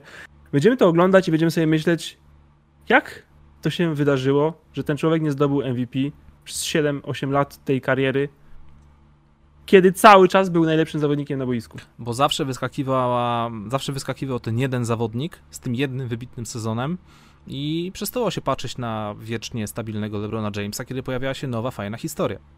A my kochamy narrację i to jest też trochę, to jest nasze, nasze, nasza wina. Mówiąc nasza, mam na myśli właśnie trochę media. Media po prostu kochają narrację i na koniec dnia to po prostu... No tak to wygląda, bo to też nie jest tak, że te nagrody są, wiesz, jakbyś tak cofnąć rok po roku te MVP, mhm. no to wiesz, tam były argumentację na to, że rzeczywiście ktoś był inny MVP, bo ta nagroda nie uwzględnia playoffów. Tak. Ale w głębi każdego człowieka wiemy, że najlepszy zawodnik na boisku jest LeBron James. I to tak mamy... będzie, dopóki nie udowodnimy odwrotnie, czyli aż nie przegra w pełni zdrowia z kimś. E, jakby co to na środę, tylko przypomnę, szykuję materiał właśnie z kandydatami na MVP i troszkę bardziej analitycznie, statystycznie do tego tam e, podejdę, więc jakbyście chcieli coś jeszcze posłuchać, to zapraszam w, w środę na kanał bezpośrednio. Ale jeśli jeszcze chodzi o innych kandydatów na MVP, chcesz Bartek o nich e, chociaż dwa słowa powiedzieć? No bo wiadomo, że jeśli już mamy wybraną top 3, to reszta raczej no nie ma szans na to, żeby, żeby wbić się w konwersację, ale można byłoby o nich wspomnieć z takiej czystej kurtuazji, bo po prostu grają świetny sezon. Janis i Kary. I Lidard? I Kawaj? No nie... I Harden? Prędzej Harden niż Kawaj i Luka na przykład, no. Lillard nie wiem. Mhm. Ale Janis to jest kosmos od miesiąca. Janis to jest 38 punktów, wchodzi po prostu. Tak, od miesiąca, no ale jeśli chodzi o od początku sezonu, to tak troszkę obniżył loty. I to znowu prawda. gra strasznie I, no, duże minuty. To prawda ale przede wszystkim jest ofiarą narracji tego, czy nie możemy dać trzy razy MVP typowi, o którym nie wiemy, czy znowu nie nawali w portki w playoffach. to jest prawda. To jest, pra... no to jest prawda. Ej, właśnie, damy... ej, jak myślisz, czy gdyby Janis zdobył w ubiegłym sezonie mistrzostwa, bo przynajmniej nie odpadł w taki tragiczny sposób w playoffach, to czy z tymi statystykami, z, z identyczną obecnie sytuacją w lidze, byłby brany pod uwagę wyżej w notowaniu? Byłby wyżej, byłby wyżej, byłby wyżej niż LeBron, myślę. To jest straszne, jak o tym pomyślisz. To jest straszne, trochę niesprawiedliwe, ale trochę kurczę sprawiedliwe. Trzy razy z rzędu dać statuetkę najlepszego zawodnika typowi, który nawala serię playoffów rok po roku, no to coś nie gra, nie? Tak samo Hardenowi nie mogliśmy dać, nie? Po tak, prostu ale, tak to ale, działa. Ale zobacz, jakie to jest niesprawiedliwe, bo z jednej strony trzymamy się tego tematu, że e, MVP to jest nagroda za sezon zasadniczy, więc patrzymy tylko na sezon zasadniczy, ale z drugiej strony patrzymy, że Janis nie poradził sobie w playoffach, więc nie dostanie trzeciej statuek kiedy za sezon zasadniczy, podczas gdy z roku na rok Re LeBron James e, dzieli i rządzi w tych playoffach, ale on ma kiepskie sezony zasadnicze, więc nie mu dają. Nie, nie sądzisz, że to jest taka pewna hipokryzja, wszystko jest takie na odwrót? Absolutnie, 100% ale tą nagrodę wybierają ludzie, głosują ludzie. Ludzie to tylko ludzie. Eee, wiesz, jakbyś określił jasne kryteria tej nagrody, mhm. czyli wiesz, dajesz od 1 do 5, yy, wagowa od yy, 30% nagrody to jest bilans, 30% na setki indywidualne, 30% wybór do All-Star, All-NBA, jakieś takie rzeczy i sobie to po prostu sumujesz, przeliczasz matematycznie, wtedy by to była uczciwa nagroda. A tak nie ma żadnych kryteriów. Ludzie głosują na to wedle swojego uznania, którzy są tylko ludźmi, mają swoje sympatie, antypatie yy, i tak to po prostu wygląda. I tak dokładnie, to jest niesprawiedliwe, ale z drugiej strony w głębi duszy też nie dałbyś tego trzeciego MVP Janisowi. Jeśli, bo znowu, się znowu zawali, byś wyglądał bardzo źle z tym. Nawet jeśli to teoretycznie nie ma sensu, bo nie powinieneś tego brać pod uwagę. Tak. Okej. Okay. Temat zakończony?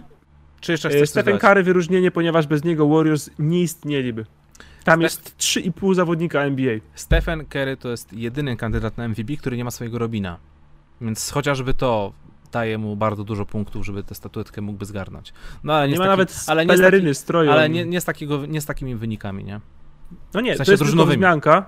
To jest tak. tylko wzmianka, bo trzeba mu oddać, bo 60% Warriors to jest kary.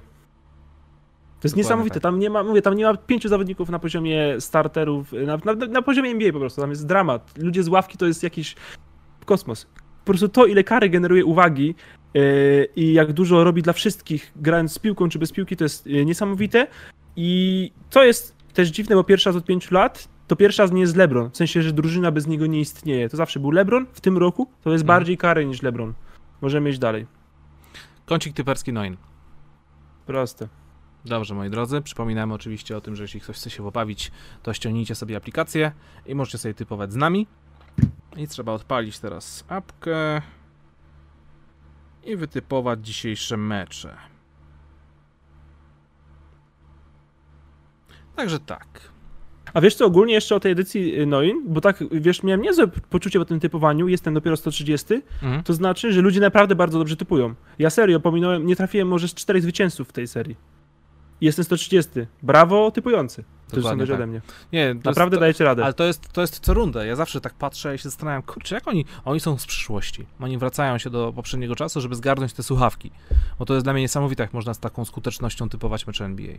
To jest niesamowite, no. Ja też tak mam na przykład, że wiesz, myślę, budzę się rano, tak wiesz, patrzę wyniki i tak myślę, chyba nieźle mi poszło. Ej, wchodzę i serio, wiesz, nie trafiłem tam dwóch, trzech over-under jednego, jednego celnego meczu i awansowałem na przykład trzy miejsca. Mówię, wow. Tak. Czyli ciekawe, znowu kilkadziesiąt osób trafiło jeszcze lepiej, nie? Jest, wow.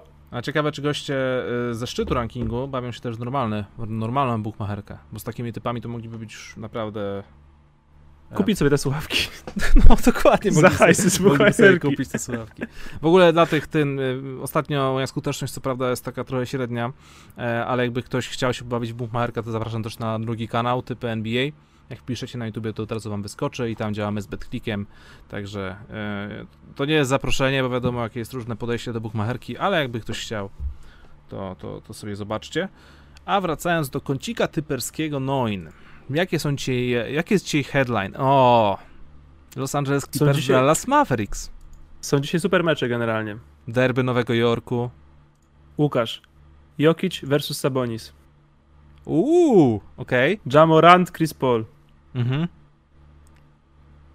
Derby Lebron, Nowego Jorku. LeBron James, Kelly Oubre. A tam, kurczę, Lakers, jakiś, kogo to interesuje? No, no. Dobra, Hamidou Diallo, potężny, w Detroit Pistons, kontra Właśnie. San Antonio Spurs. Ej, Hamidou Diallo, aż sobie sprawdziłem, on miał całkiem solidny sezon póki co w Oklahomie. Za, super miał sezon. Świetny, był tam jakby Six Men, coś jakby, nie? Pierwszy, 12 punktów, 12 punktów, 5 zbiórek, 4 asysty na mecz. Hamidou Diallo.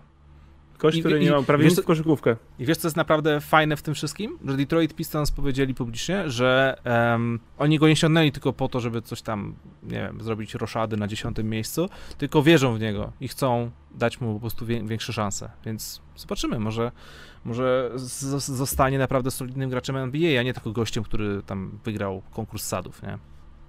E, dwie rzeczy. Detroit Pistons wymietli szatnie naprawdę dokładnie. Gość, który jest najdłużej w składzie, to jest Seku Dumbuya, drugoroczniak. To jest wow. No. Odkąd nie ma potężnego e, Światosława Michajluka, który był mhm. pikiem Lakers. Tak. Musiałem to zrobić. Ale tak. się nie spełnił. Chyba jedyny nieudany pick Lakers nie 5 lat, change my mind. Ja go pamiętam, e, Nieważne. ja go pamiętam jak, jak grał w lidze letniej, to mówiono o nim, że to jest taki właśnie e, europejski klej trochę. No, no, no, tak było, było, było, no. ale nie rozwinął się. No. Druga sprawa. Brawo, sztab trenerski Oklahoma City Thunder, bo Hamidou Diallo dwa lata temu nie miał nic w koszykówkę. To był atleta. Mhm. Wiesz, wyskakany, wybiegany, skoczek, ale w koszykówkę to on nie miał za dużo, a teraz umie naprawdę sporo. I tak jak mówisz, bo on będzie wolnym agentem, bo w sezonie Detroit, będą musieli zapłacić, ale najważniejsze chcą to zrobić, więc proszę bardzo Detroit. Zawsze lepiej to niż piąty Mason Pelamli. Oczywiście. E, nie ma to zawsze, zawsze jakiś pozytyw w stronę Detroit Pistons na tym streamie musi wlecieć. Um, no, to Clippersi i Dallas. Mi się wydaje, dla mnie przynajmniej, to chyba najciekawszy mecz na dziś. Tak, bo są... Yy, w ogóle tak, Ibaka wraca? Bo Ibaka się dzisiaj w ósmej minucie Game time decision. Ajajaj, bo bez Ibaki to będzie bardzo ciężko. Ja jest, ale z drugiej strony jestem bardzo ciekawy, czy Clippers w ogóle będą istnieć bez Ibaki. Bo oni są, tam jest, dwie osoby są tylko, dwie osoby są tylko pod koszem i to jest właśnie jedna z nich. A, Dallas ma być w pełnym składzie, bo tak, yy, Luka i Kristaps jest. Ciekawe, czy Kristaps, y, jak nie będzie Ibaki dzisiaj, na przykład zagra taki mecz, że stwierdzą, że może go w sumie nie będziemy tradować. Na przykład. Maxi hmm. Kliba ich zniszczy, a nie Kliba. Porzingis. Stoi, Maxi Kliba. Maxi Kliba. Dobra, e, Clippers czy Dallas? Dallas over. Dallas over. I to tylko dlatego, że był ten, wiecie, bo oni w ogóle znowu grają dwa razy. Grałem teraz i chyba za, dwa, za trzy dni znowu i wtedy postawię na Clippers, bo to się, no. się tak dzieje. E, a to jest pierwszy mecz, Dallas są bardziej wypoczęci i wiecie co w tym sezonie raz zrobił Dallas wypoczęte nie, nie, nie, nie najlepszym Clippers? Plus Serio? 51.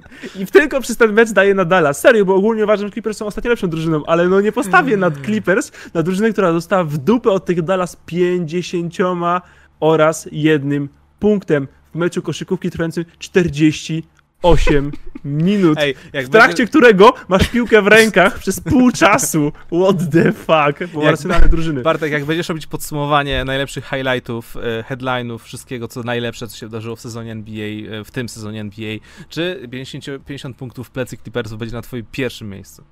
Zawsze będzie w moim serduszku. Dobrze. Czyli Dallas over.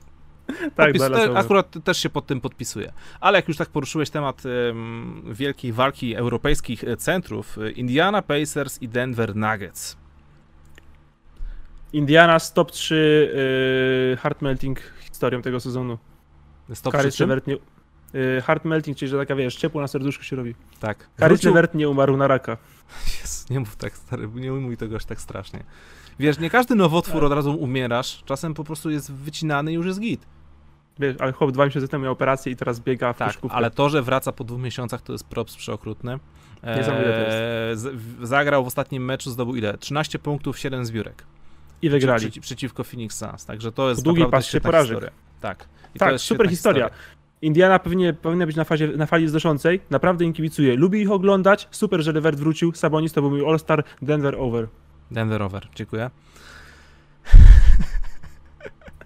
Nie, uwielbiam takie właśnie argumenty, argumenty, argumenty, rzeczywistość. tak, no tak jest, no bo to są emocje, ale jednak trochę trzeba też głową, nie? Memphis Grizzlies, Phoenix Suns. Phoenix Suns po ciężkiej porażce z Indianą Pacers, ale Memphis Grizzlies też coś tam e, coś, coś, coś tam nie zagrało, czy, czy mi się wydaje. Tak, oni wygrali, oglądałem mecz Memphis w ogóle jakiś taki dziwny, ogląda, w ogóle śmieszne mecze oglądałem ostatnio. Oglądałem Memphis z, z Waszyngtonem w piątek. Yy, oglądałem, później oglądałem Lakers z Indianą, ale w poniedziałek, yy, nie, nie w poniedziałek, jeszcze, jeszcze w tamtym tygodniu oglądałem w ogóle, Minnesota oglądałem w meczu koszkówki. Mhm. Minnesota. Wygrywając 30 punktami, tak. I, I jedyny mecz, który widziałem w tym sezonie i Minnesota w mojej głowie jest drużyną, która wygra 30 punktami niczym więcej. Ciepłe tylko uczucia śle do Minnesoty, ponieważ im się to przyda. Mhm. Eee, no Antony Edwards tak na... zasłużył bardzo na, na kilka słów pochwały. A, już dobra, już kupiłem czas, który chciałem, zerknąłem na wyniki. Dostali wpad od Thunder, ale to jest wielki Shai Gilgis Alexander. Tak. E, więc Memphis musi się ogarnąć i przegra ten mecz z Phoenix Suns Under. Bo Phoenix Suns też musi się ogarnąć, przegrali z Indianą. Dobra, ja też Suns, ale over daję. Ajajaj, ambitnie. No, bardzo. Dobra, derby Nowego Jorku. Nowy Jork, derby Brooklyn Jorku. Nets. Brooklyn ale Nets chcia... jeszcze bez Blake'a Griffina. To jest istotna rzecz. Co gorsza, wciąż bez Kevina Duranta i nie wiadomo kiedy go dostaną. Ja wiem, że, ja wiem, że te, matcha, te tak nie będą wyglądać, ale, ale jak widzę na czwórce Juliusa Randla versus Joe Harrisa, to tak zabawnie to wygląda. Bardzo zabawnie. Brooklyn over. Brooklyn over, ale kurczę, jakby to nie byli Netsi, tylko naprawdę... Czy ktoś jest teraz w lepszym gazie niż Netsi? Na ten moment? Ach, no, pozwól, nie, nie? Pozwól, że sprawdzę. E, nie, 9-1 w ostatnich 10 meczach. Jakby to nie byli Netsi, to naprawdę chciałem postawić. Chciałbym naprawdę postawić Knicks i obiecuję, że w kolejnym meczu ich postawię. A z kim grają kolej, w kolejnym meczu z Minnesota? Nie, wtedy to będę się zawahać. Ale jak na przykład grałem z jakimś, wiesz, Sacramento. Co? Minnesota jest zajęta wygrywaniem z Lakers być może, więc jakby y, to się nie wydarzy. Już lecimy dalej, terminarz wielcy New York Knicks z koszykówki. Aj, ależ przerwa, długo będą odpoczywać. No to wypoczęci to totalnie. W czwartek są ci już Nix? Proszę bądźcie. Ja jestem chyba niewidomy. Gdzie są Nix? Jak ja tu włączę jeszcze jedno okienko, to mi się komputer, to mi komputer wybuchnie, więc, więc ja, e, czekaj, ja liczę zaraz... na ciebie, liczę na ciebie. Już, już, już to, już to, już to, już staram się to zrobić. Mhm. O, nie jestem, nie jestem. Łukasz, musisz powiedzieć żart. Jestem dzisiaj nie w formie dowcipnej. Ach. Wybacz. Dobrze, grają 19 z Orlando Magic. New York Knicks, macie mój głos. Jak z Orlando Magic to też... Yy, Orlando, dam Knicks. Czy Aaron Gordon dam jeszcze będzie over. w składzie Orlando? Tego 19. Daj, oby nie. Aby pomagał Damianowi Lillardowi wstawać z ziemi. San, San Antonio Spurs, Detroit Pistons. Ciężki mecz dla koneserów. To prawda, może być ciężki, mimo wszystko San Antonio Under. Eee, San Antonio Under. Nie, o, przepraszam, przepraszam, przepraszam, DeRozan też nie zagra. A no i to są właśnie kłopoty. Kłopoty, no. To są właśnie kłopoty, bo DeRozan jest strasznie ważny, ale z drugiej strony to są Detroit Pistons. Nieźle, ale się dzieje. Dobra, emocje, emocje. Jestem podekscytowany. Detroit Pistons i San Antonio Spurs bez DeRozana, to jest trudne, kłopoty. San Antonio dzisiaj dostało 150 punktami od Sixers, nie? Mhm. A Detroit Pistons mają potężnego Hamidou Diallo. San Antonio. Ale, tak, San Antonio Under, ale obawiam się, że obaj tu dostaniemy w ten, w, że będziemy tego żałować. No tak, to, to klasycznie już. Typujemy w Noinie, więc. Dobra, y, ma wszystkie na takie najfajniejsze mecze. Nie, nie, o, nie, nie, nie, nie, przepraszam, pojedynek debiutantów. Sacramento Kings, Charlotte Hornets. To jest jeszcze takie interesujące. Hornets są w gazie też, ale no nie w takim tak. jak Hornets over. Hornets over. Tak jest. Dobra, Łukasz, prywatne pytanie. Znaczy nie prywatne, bo jesteśmy na streamie, nic to nie jest prywatne. Dajesz. Nie obstawiam tego meczu, bo widzę, że powinieneś go rozsądnie, ale over, under, punkty, Stephen Curry, LeBron James. Mm, czekaj, czekaj, czekaj. Ogólnie pod koniec sezonu, czy co? Bo nie wiem. Nie, dzisiaj, dzisiaj grają. A dzisiaj grają, dobra, dobra. Lakers Warriors. Um, dzisiaj over punktowy, oczywiście, że Stephen Curry. Dobrze. Myślisz, że wygra z królem? Wydaje mi się, że raczej nie. Ale chciałbym. Chciałbyś, nie? Chciałbym. Chciałbyś. Chciał. Chciałbyś, chciał. Myślę, chciał. Dobra, dziękuję bardzo. To był kącik typerski Noin. I teraz przechodzimy do pytań dalszych z donate'ów. Jakby co, to na kilka pytań wcześniejszych już odpowiedzieliśmy. E, Donaty generalnie są wyłączone, bo przynajmniej znikły z opisu pod tym streamem, żebyśmy się zdążyli jeszcze wyrobić. A i tak jeszcze tych pytań trochę tutaj jest. O 20.37, czyli godzinę 10 temu, Jordan is the GOAT wysłał takie pytanko. Um, Siema panowie, czy uważacie, że Bulls mają szansę utrzymać Lawina, jeśli zaproponują mu Maxa? A jeśli nie, to za kogo byście go wymieniali? Czy nie uważacie, że zmniejszył się dystans między konferencjami w tym sezonie? Dzięki za odpowiedź i pozdro. Otóż nie. Nie zmniejszył. Nie zmniejszył się. E, czy za ale, Lawi... ale Lawi... bycie na szóstym miejscu na wschodzie już nie jest wstydem. To prawda. Szóste to miejsce prawda. to już jest powyżej 50%, to już jest naprawdę dobrze. Mhm. E, myślę, że Lawina lekko mogą zatrzymać dając mu Maxa. No, też mi tak wydaje. Bez większych problemów zostanie. E, tylko to jest taka kwestia, czy tylko chce zarobić te pieniążki, czy też chce o coś powalczyć, więc... Mógłby oddać milion z tego i zatrudnić y, fizjoterapeutę na 24 godziny na dobę, żeby chodził z Wendellem Carterem Juniorem wszędzie i nosił go po schodach. I że wtedy przyszłość Chicago Bulls wyglądałaby trochę lepiej. Tak. Żeby Wendell Carter Jr. nie wykonywał ruchów e, swoimi kończynami innych niż koszykarskich. Tak. Żeby sobie daj, nie daj Boże czegoś nie zrobił. To byłoby fajne. Ja byłem takim fanem tego chłopaka. To byłoby ja bardzo tak koleżeńskie. Tak byłoby bardzo koleżeńskie ze strony Lawina. Cześć Wendell, dzisiaj kupiłem ci fizjoterapeutę. Będziecie nosił. Jak wygląda tutaj ta różnica między konferencjami? Trzy zespoły powyżej 60% na wschodzie, a na zachodzie cztery zespoły. No i generalnie po prostu zachód ma czołówkę silniejszą.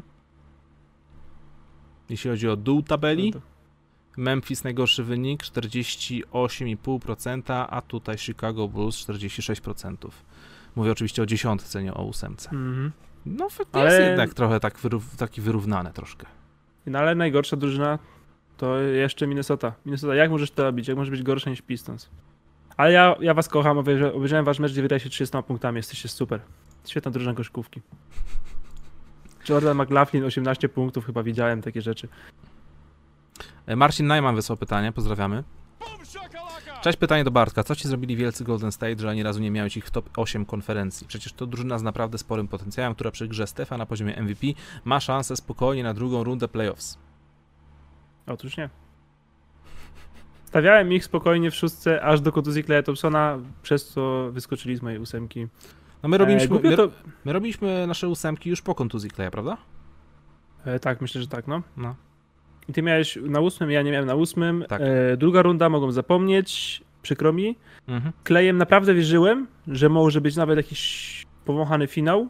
Mhm. Teraz widzę, że chyba raczej byśmy się mylili, aczkolwiek Clay Thompson zdrowy, no to aspirujący o NBA zawodnik, tak to ujmijmy, bo mhm. jest na takim etapie kariery. E, co mi zrobili wielcy Golden Warriors? No nic, no. Wygrywali no z LeBronem, nie? Posłuchajcie. Kto mógł postąpić inaczej niż ja wtedy, czyli wywalić z ósemki Golden State, żeby wstawić tam Houston Rockets. Typy, które zabawnie się zestarzały. Tak, to jest zawsze śmieszne. Tak, ale i tak, tak, tak do ósemki nie wejdą. Zobaczcie, jaka jest teraz ósemka. Dallas jest ósme, San, no dobra, San Antonio może wypadnie, ale zaraz za Golden State jest Memphis Grizzlies, którzy będą na fali wznoszącej. Guarantee! Oraz New Orleans Pelicans, po których cholera wie czego się spodziewać. Wydaje mi się, że w playoffach raczej niewiele możemy się po nich spodziewać. W playoffach. No, w, w, w, no nie, możli no. w możliwych play-inach. No w play-inach może, bo to jest jeden, dwa mecze, ale potem kurczę, no pierwsza runda nie wiem, ja tu, ja, sorry, ja, ja cały czas wierzę w Golden State Warriors. W sensie, że to ósme miejsce jest do wywalczenia, druga runda owszem nie ma szans, no bo no nie przejdą po prostu. Czy to będzie Utah, czy to będą e, Lakers, czy ktokolwiek tam z czołówki tabeli. Nie, ale playoffy Wierzę. I to się szanuje, Łukasz. Jesteś, jesteś wiernym fanem. Jesteś dobrym kolegą dla Golden State Warriors. Jestem dobrym kolegą Stefana Kerego. Tak, to prawda. Widziałeś e, jego buty? To było przeurocze we wczorajszym meczu właśnie, co wygrali, bo o właśnie, Golden State Warriors wygrali z pierwszym, z najlepszą drużyną sezonu, nie? Utah Jazz, tak swoją drogą, nie wiem, czy słyszałeś. E, I i e, to było przeurocze, bo Stephen Curry miał swoje 33 urodziny i dostał buciki zaprojektowane przez, przez jego bandę dzieciaków. Jakieś takie, wiesz, Prawda. kolorowe, cukierkowe, jakby buty zerżnięte z jakiegoś Fortnite'a czy coś. Nie wiem, dalej to było przeurocze. Wiesz. I taki tatuś dostał buciki i stwierdził, dobra, wygrywamy teraz najlepszą drużyną sezonu, będzie fajnie. Dzieciaki będą się jarać. To jest dla mnie 33 urodziny. To jest dla mnie to jest szok. Dla mnie to jest szok, że to jest 33 urodziny są. Że już 33 urodziny. Już 33, no. To prawda. Szybko ten ja się zdziwiłem. Zapieprza, zapieprza strasznie. Przyznam się, że się wiesz, zdziwiłem. Bo patrzysz na niego i wciąż widzisz tego, wiesz, młodego, fajnego, ogarniętego Stephena Kerego, no ale jednak czas goni. To już ile, ile, ile, ile on już dla sezonów? 12? 11? Wielki Draft 2009? No. Johnny Flynn, nie, zapominam, nie zapomnijmy. E, tak, 2009, no. Wielki draft, to jest, to jest fenomenalny draft po prostu. To jest niesamowite. Tam idzie All-NBA zawodnik, Mhm. Garbage time. NBA zawodnik to jest tak. Blake Griffin, Hashim Tabit, Harden, Tyreek Evans, ok, on był spoko, potem Ricky Rubio, potem Flynn, Curry, Jordan Hill, DeRozan, Brandon Jennings i tak cały czas ten draft jest po prostu niesamowity, nie? Draft 2009 Ale... to jest jak gra w sapera. Ale to jest taka, to jest, to jest naprawdę też fan draft, bo pikujesz takiego człowieka jak Eric Maynor, ale mogłeś Derena Collisona. Mogłeś no. Omrego Caspiego, mogłeś Tarza Gibsona, Demare Carola, Wayna Ellingtona, to jest, to jest naprawdę super draft. Polecam, jak ktoś ma dużo zażywanego czasu i chciałby się dobrze pobawić w swojej głowie. To, to, to, jak ktoś chce się dobrze pobawić w swojej głowie, to wejdźcie na listę draftu 2009. To jest dobra zabawa w twojej naprawdę. głowie, w waszej głowie. Tak, naprawdę. dokładnie, dokładnie. No super goście. Patty Mills, proszę bardzo, 55 pik. Dany Green, 46 pik. Świetny draft. Naprawdę to jest naprawdę dobry draft pyszna zabawa w głowie. E, Maciek nam Timberwolves tutaj... pamiętamy, ale wygraliście 300 punktami z Pelicans, więc też wybaczamy. Tak. Lecimy dalej. E, Maciek, pozdrawiamy serdecznie, bo tutaj Maciek zaszalał, wysłał nam stówkę i po prostu napisał dzięki panowie za urozmaicenie mi czasów pracy. Pozdro z DK. Pozdrawiamy. Pozdrawiamy również, bardzo dziękujemy. Król e, z Harlem Shake'a na Kifie, tak jest. Czy DK to jest, e, jak rozwijamy ten skrót? Nie wiem, Dąbrowa Krótka. Albo Dania. Królewska. Może tak być. Maciek, musisz rozwinąć ten skrót, bo teraz jestem. E... Jestem zagubiony. Potrzebuję tej wiedzy. Musimy sobie to poukładać w naszej głowie, żebyśmy mogli się z tym później dobrze bawić. W swojej Pod... głowie. Tak.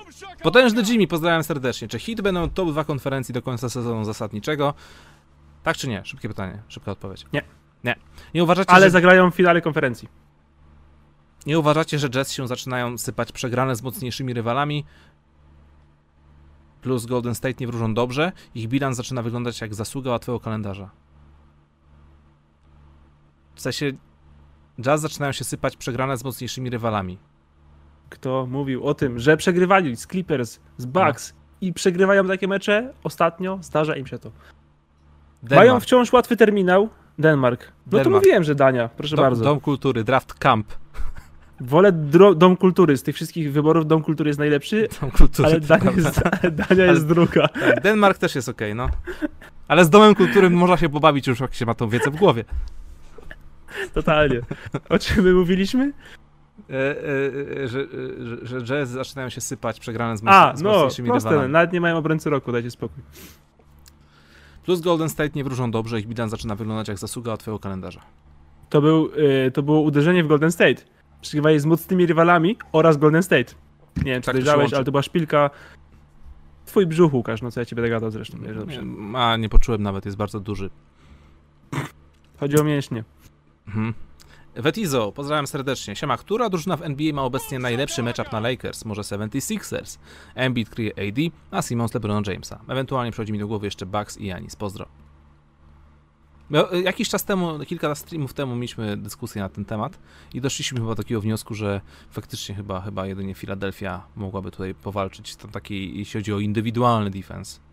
No, tylko że właśnie mają równie toporne ataki, to jest takie dziwne, nie? Mhm. Dziwny mecz, a byłby to wolna, wolna grana koszykówka. Ale czy nie jest, czy, czy pewnym wyborem, jedynym oczywistym, ilu drużyna, którą tak dużo osób stawia w tamtym roku, wygra tytuł, no to nie są potężni Los Angeles Clippers? Przecież co, odpadną w drugiej rundzie? No dajcie spokój. Za szybko? Za szybko, no ale może być. Lecimy dalej z kolejnym pytaniem. E, Spriro jeszcze tutaj nam wysłał e, też o 20.45. Jezu, my godzinę, godzinę, ponad godzinę później czytamy te donate, wiesz o? Co jest lepsze od... Ja nawet wiem, no? Ja nawet wiem, że DK to jest Dania, więc wiesz. Co jest lepsze od dwóch donate'ów? Trzeci donate. Pozdro, świetna robota. Od jakiegoś już czasu hasło poniedziałek kojarzy się z wami. Go Bismack Biombo. Spridoy, dziękuję to bardzo. bardzo. ładnie. Jeśli obróciliśmy komuś y, skojarzenia z poniedziałkiem oraz jest fanem New York Knicks i wciąż nas lubi, Zrobiliśmy coś dobrego, Łukasz. To, to, to, brzmi to troszkę jakbyś pisał bajkę w tym momencie, ale jeśli tak się wydarzyło naprawdę, no to stwierdzam, że wygraliśmy życie, no. Także Spriroy dziękujemy bardzo. Pozdrawiam. A Bismarck Biombo też był w tym donajcie. Lecimy dalej. Szoste de Vons. Donajcik. Piona chłopaki jak zawsze. Jeśli możecie, to wymieńcie po dwóch zawodników, którzy już skończyli kariery, a chcielibyście ich jeszcze oglądać i do których z obecnych drużyn byście ich wstawili. Wow, to już takie pytanie e, dotyczące wszelkich legend. Łukasz, Ale bardzo... Wstaw gdzieś Vince'a Cartera i każdy będzie szczęśliwy.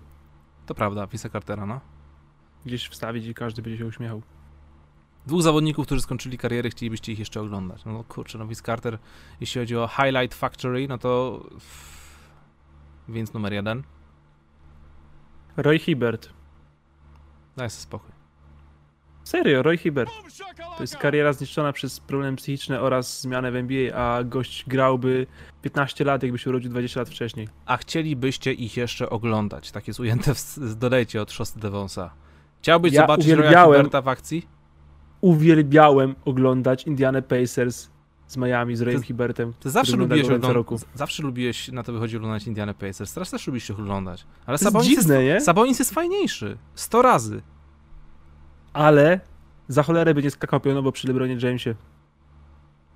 Roy Dobrze. Hibbert opanował sztukę skakania pionowo i nagle się okazuje, że był prawie obrońcą roku, a Indiana prawie, prawie miała szansę z Miami. E, dzisiaj gra Indiana Pacers z Utah Jazz, tak? Jest Denver Nuggets. Przepraszam, okej. Okay. No to jak będą grać z Utah Jazz, to wyobraź sobie właśnie aktualną Indiana Pacers, ale z Royem Hibbertem na Utah Jazz. To byłby super mecz. Tak? Dobra, Vince Carter, na drugim miejscu Kobe Bryant się wydaje też takim bardzo oczywistym wyborem. Quincy AC ma jeszcze gdzieś kontrakt? Rafer Alston. Jason Williams. Quincy. Łukasz, teraz już żartujesz. Gdzie gra teraz Quincy AC? Maccabi Tel Aviv. Czy on zakończył karierę, czy jeszcze tam gra? Bo widzę 2020 roku. Mhm. Quincy AC i Roy Hibbert. Jesteś alternatywny. Łukasz, kogo wymieniłeś jako drugiego? Masz Vince'a i kogo? No, myślałem o Kobim, ale to jest bardzo oczywisty wybór, więc każdy by to, Ach. każdy wybrał Kobiego. Wybierz kogoś innego, bo nie pasuje im do narracji. Rafer Alston. Dobra, to on i Vince 2 na 2 w tym momencie z Quincy Acim i Royem Hibertem. Daj Stawiasz pieniądze na swoją dwójkę? Tak, stałem pieniądze na tę dwójkę, tak. Roy Hubert nie rusza się strumny, bo nie umie. Roy Hubert kozuje, człowieku. Jezu. Dobra, lecimy dalej. Rob. Pozdrawiam serdecznie Ciebie, Rob. Hej, śledziłem NBA w latach 90., wróciłem kilka lat temu. Nie jarałem się NBA, gdy był w niej Marcin Gortat. Czy możecie ocenić jego karierę i status w lidze? Czy był blisko meczu gwiazd, czy to polska przesada? Fajnie ujęte, polska przesada. Miał rozpoznawalność jak kto? Steven Adams lub Aaron Baines? Ej, to jest takie, takie ciekawe porównanie. Steven Adams lub Mason Aaron Plumley. Mason Plumley. Mason Plumley? Nie, mhm. za, nie, za, nie za mało? Rezerwowy do startujący porządny center, który wszystko robi dobrze, ale Marcin, niczego nie robi znakomicie. Ale Marcin Gortat, jak już y, dostał status, to zawsze był startujący. To prawda, ale czy był top 10 startującym centrem? Nie. No właśnie. Już Mason Plumlee też sobie może startować Detroit. Oczywiście Detroit Pistons nie są Waszyngtonem sprzed 10 lat, ale... Mhm. No dobra, był lepszy niż Mason Plumlee, zgodzę się, okej, okay, ale e, do, ty porównałeś do kogo? Do Arona Bainesa? Czy, nie, nie Rob, Rob, napisał, że miał rozpoznawalność jak na przykład Steven Adams lub Aaron Baines. Większą niż Baines, może trochę mniejszą niż Adams. Mhm. Ale dlatego, że Steven Adams jest po prostu fajny i wszyscy go kochają. Jest bardzo medialny. Tak. Jest I śmieszny i, i ma długie gra, włosy. I, I gra na gitarce i mówi mate. I ma długie włosy i ma 13 rodzeństwa. Tym tak. złotych medalistów olimpijskich. To jest niesamowite. Tak, to, to, historia jego rodziny to w ogóle jest temat na osobny podcast. Musimy zrobić kiedyś taki podcast tylko i wyłącznie o Steven Adamsie, Stevenie Adamsie. To byłby zawodnik, o którym chętnie zrobiłem podcast, tylko i wyłącznie o nim. No, tak, no. zgadzam się. To jesteśmy umówieni w takim razie. E, a, jakbyś tak, kariera. a jakbyś tak chciał e, w skrócie ocenić e, karierę Marcina? Przerosła oczekiwania. To na pewno. Ale tak Bardzo tak można, dobra, długa tak, kariera. Tak można byłoby troszkę zaszufladkować, że on był e, typem solid, solidnego, profesjonalnego koszykarza NBA.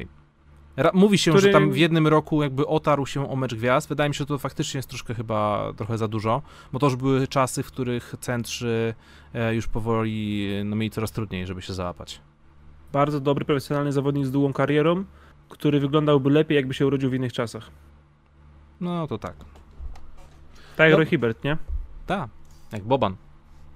Jak Boban. Boban, Boban byłby kurde pięć razy All-Starem, jakby grał w latach 90. Ja chciałbym wrócić do naszej cudownej dyskusji. Boban czy Rick Smith? Boban. Wiesz, ja dostałem później urodził... hejt, ja dostawałem prywatne wiadomości od ludzi piszących, że nic się nie znamy, Rick Smith był super, jak można go porównać do jakiegoś Bobana, maskotki. Boban, jakby się, jakby grał w latach 90., to teraz on byłby przy mikrofonach i mówił, jak mogą nie wpuścić mnie do MSG? Przecież ja, Nowy Jork jest mój. To ja prowadziłem New York Knicks do finałów trzy razy. No to byłoby tak ciekawe by było. zobaczyć takie, taki pojedynek bezpośredni w tamtych czasach. Tak Boban. by było. Tak by było. Dobra, e, lecimy z kolejnymi donatami, bo jeszcze trochę ich tu jest. Uroboros, pozdrawiam cię Uroboros serdecznie. Co myślicie o temacie wrażliwości sędziów w NBA? Laury nie może podać piłki po akcji, podobnie jak JJ Redick. Ogólnie to podobno sędziowanie jest gorsze niż w NHL czy, NHL czy MLB, czemu tak jest panowie? Jest coś w tym, nie? Sędziowie bywają strasznie um, tacy drażliwi interpretują. Czasem sędziowie zachowują się jakby, jakby mieli w głowie nastawienie takie, że wszyscy są przeciwko nim, więc w razie czego lepiej, żeby oni pierwsi zaatakowali. Średnio to tak. wygląda. To jest pierwsza, najgorsza choroba sędziów, mhm. kiedy sędzia chce być najważniejszy. Znamy to. To jest najgorsze. Nie ma nic gorszego. Naprawdę lepszy jest słaby sędzia, który czegoś nie zobaczy, ale sędzia, który stara się być w cieniu i dać zawodnikom grać, to jest ok sędzia, nawet jeśli jest dobry, ale robi z tego całe doświadczenie, że chodzi o niego, dramat. Zawsze dramat. Każdy sędzia, jeśli zapamiętujemy sędziego z meczu, znaczy, że mecz był beznadziejny. Tak. Po prostu. Eee, sytuacja z JJ Redickiem dla mnie jest e, niepojęta. Nie wiem, co tam się wydarzyło. Nie wiem, po prostu. Ale z Laurem to samo. Podał kozłem przez 15 metrów i metr obok sędziego przejdziała piłka, dach, ejected. No ale wiesz, no kiedyś też były takie absurdalne sytuacje, jak Tim Duncan dostał dacha za uśmiechanie się. Więc... Dałbyś dacha Jacksonowi Hayesowi dzisiaj po tym yy, posterze? Mm, w sumie nie wiem, za co miałbym. No bo spadł... Za, za ryknięcie? Za, za, za no. spojrzenie na obrońcę? Patrzył na niego cały czas, no, za to dostał dacha. Jakby się obrócił A, sekundę szybciej. No. ja myślę, że by nie dostał, ale w obecnych, w obecnych na przykład zasadach i wydaje mi się, że ja też bym chyba gwizdnął mu to, bo takie są zasady. Jakby sędziowie też nie mają jakby nam sprawiać przyjemności, tylko mają się trzymać zasad. Mhm. I on też, myślę, że zdawał z tego sprawę, tam wystarczy już sekundę szybciej odwrócić, bo naprawdę możesz się odwrócić o, nie wiem, o tyle i krzyczeć sobie w obok po prostu i jest git, git, nie, nie ma problemu, ale krzyczysz i patrzysz komuś w twarz, no to jest taunting, bo to jest trochę taunting rzeczywiście, mhm. ale te podania piłką i dachy za podania piłką naprawdę, to, bo to jest, to jest żart, bo zaraz koszykarze będą po prostu upuszczać piłkę i będą odchodzić, że nie sędzia musiał biec 15 metrów, sobie ją wziąć i wrócić z powrotem. No, tak jest. Tak jakby się gdzieś indziej dało wrócić, no ale wiecie o co chodzi, nie? Lecimy dalej. Irving is Irving. Irving is the Irving. E, coś o Indianie. O, pytanie, coś o Indianie. Nie było dzisiaj jeszcze. Dawno nie było nic o Indianie. jeszcze raz. Komentarz typu Indiana. Jest zespołem NBA. X zawodnik jest zawodnikiem NBA. Czy Indiana jest solidna? Nie przejdzie. Wysilcie się. XD. PS. Ugrzecznienie niku, bo family friendly content. Pozdrawiam. Tak, przypominamy, że wcześniej ten e, nick wyglądał i brzmiał troszkę inaczej. Tak? Irving is the Był... Było. Był narzędziem zalewania wody. To, to, chyba ten, tak, to ten, sam, to ten sam kolega. Więc tak, Indiana jest zespołem NBA, e, ma takiego zawodnika, jak na przykład kiedyś miała Orea Hiberta. Um, Indiana jest ok, solidna. Bartek, twoja kolej? Co chcesz dodać? Indiana raz na 20 lat nam daje emocje, bo wygląda jakby mogła wejść do finału w NBA, ale tego nie robi. Szanujemy Indianę, ponieważ nigdy nie spada, pada poniżej pewnego poziomu, ale nie jaram się Indianą, ponieważ nigdy nie spada poniżej pewnego poziomu, przez co nigdy nie draftuje wysoko, nigdy nie ma szansy być aż tak dobra, jak myślimy, ale Indiana ma w sobie ran. Jak wróci TJ Warren, wielki TJ Warren w tym sezonie i Caris Levert wróci do 80%, 80% Carisa Leverta, to mhm. Indiana ma jeszcze ran w sobie ee, i skoczy, skończy wyżej niż Knicks. Dziękuję. Soba, Sabonis czy Smith? Czy Hibert? Tylko Hibert. Tylko mhm. Hibert. Dziękuję, że ułatwiłeś mi to. No, dzięki, dobra. Ale, ale najbardziej David West. David najbardziej West. David West, okej, okay, dobra, dobra. David West zawsze to w moim spoko. serduszku. Spoko. Jezu, uwielbiałem Davida Westa. Z perspektywy czasu nie mam pojęcia, ale czemu, ale uwielbiałem Davida Westa, super gość. E, Chciałem e... mieć Davida Westa na boisku chociaż raz. Donate od Piotrka. Czy Gobert stał się zakładnikiem kontraktu? Utah ma zawodnika, który przyczynia się do tego, że są liderem, ale jednocześnie Embiid go zniszczył. Ktoś powie, że Embiid niszczy wszystkich, ale od zawodnika, który zarabia 4 miliony nie wymagasz wiele, od Goberta już tak.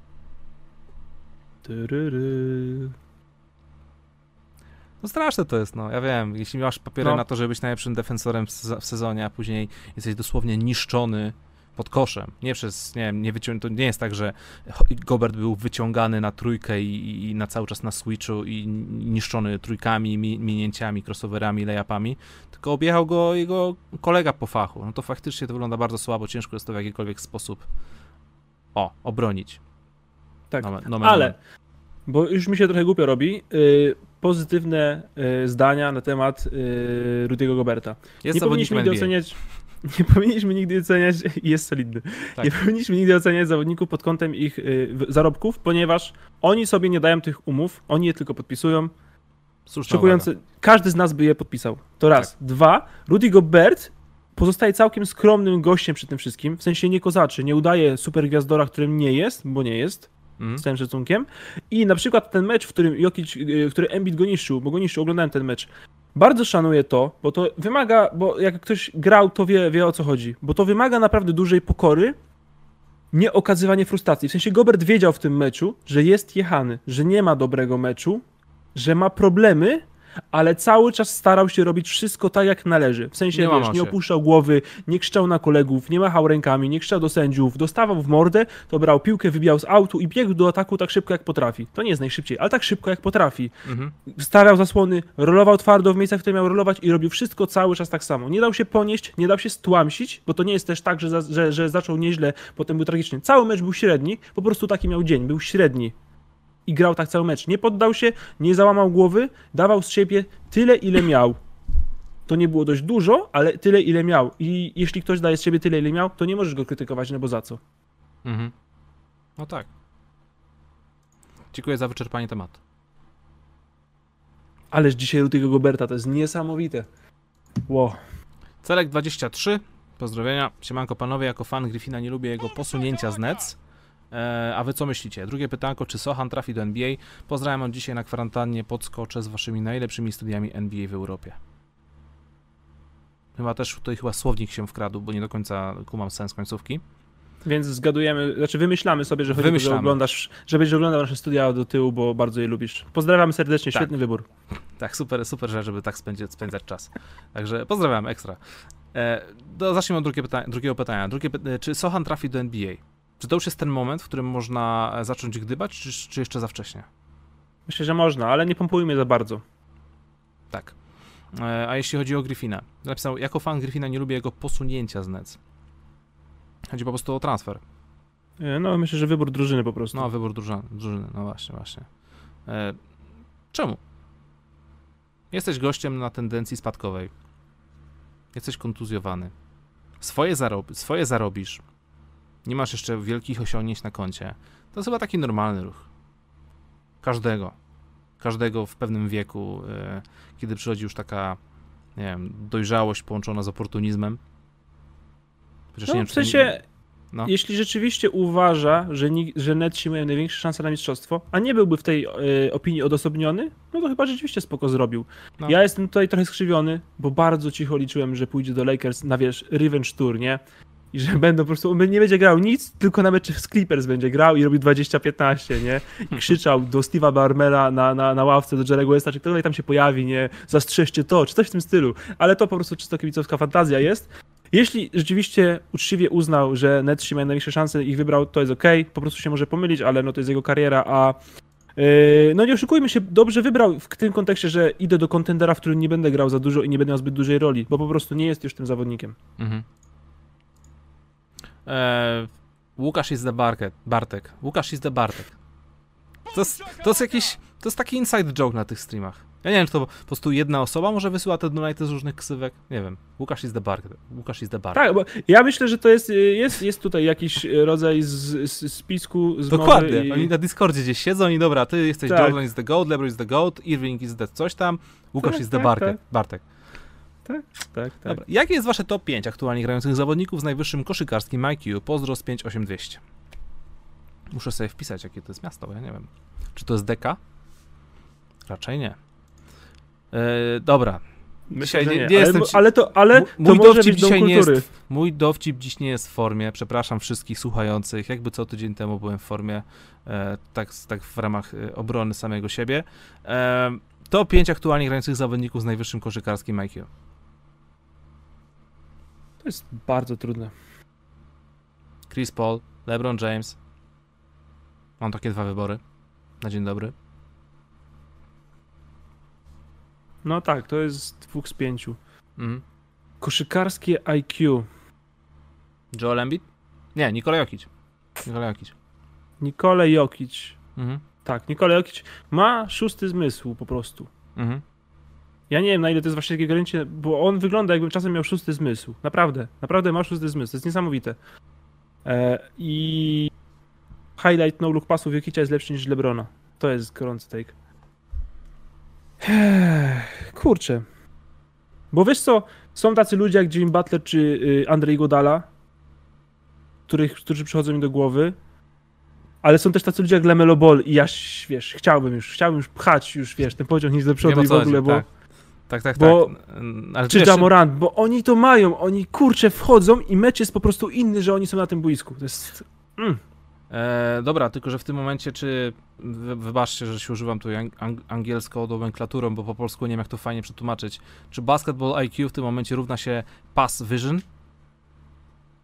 No właśnie, trochę tak, bo kurczę, bo to też jest, nie, e, jest tak, że a, nie oglądamy wszystkich drużyn, bo się mm. nie da, nie oglądamy no. wszystkich meczów, bo się nie da, a żeby wychwycać takie posiadania, gdzie gracz naprawdę głową zmienia te posiadania, na przykład obserwuje, że obrona jakoś tam zachowuje się i bierze inną zagrywkę, bo coś się dzieje na boisku, naprawdę ciężko to zauważyć. Naprawdę musiałbyś obserwować jednego zawodnika, a rzadko się tak ogląda mecze. Mhm.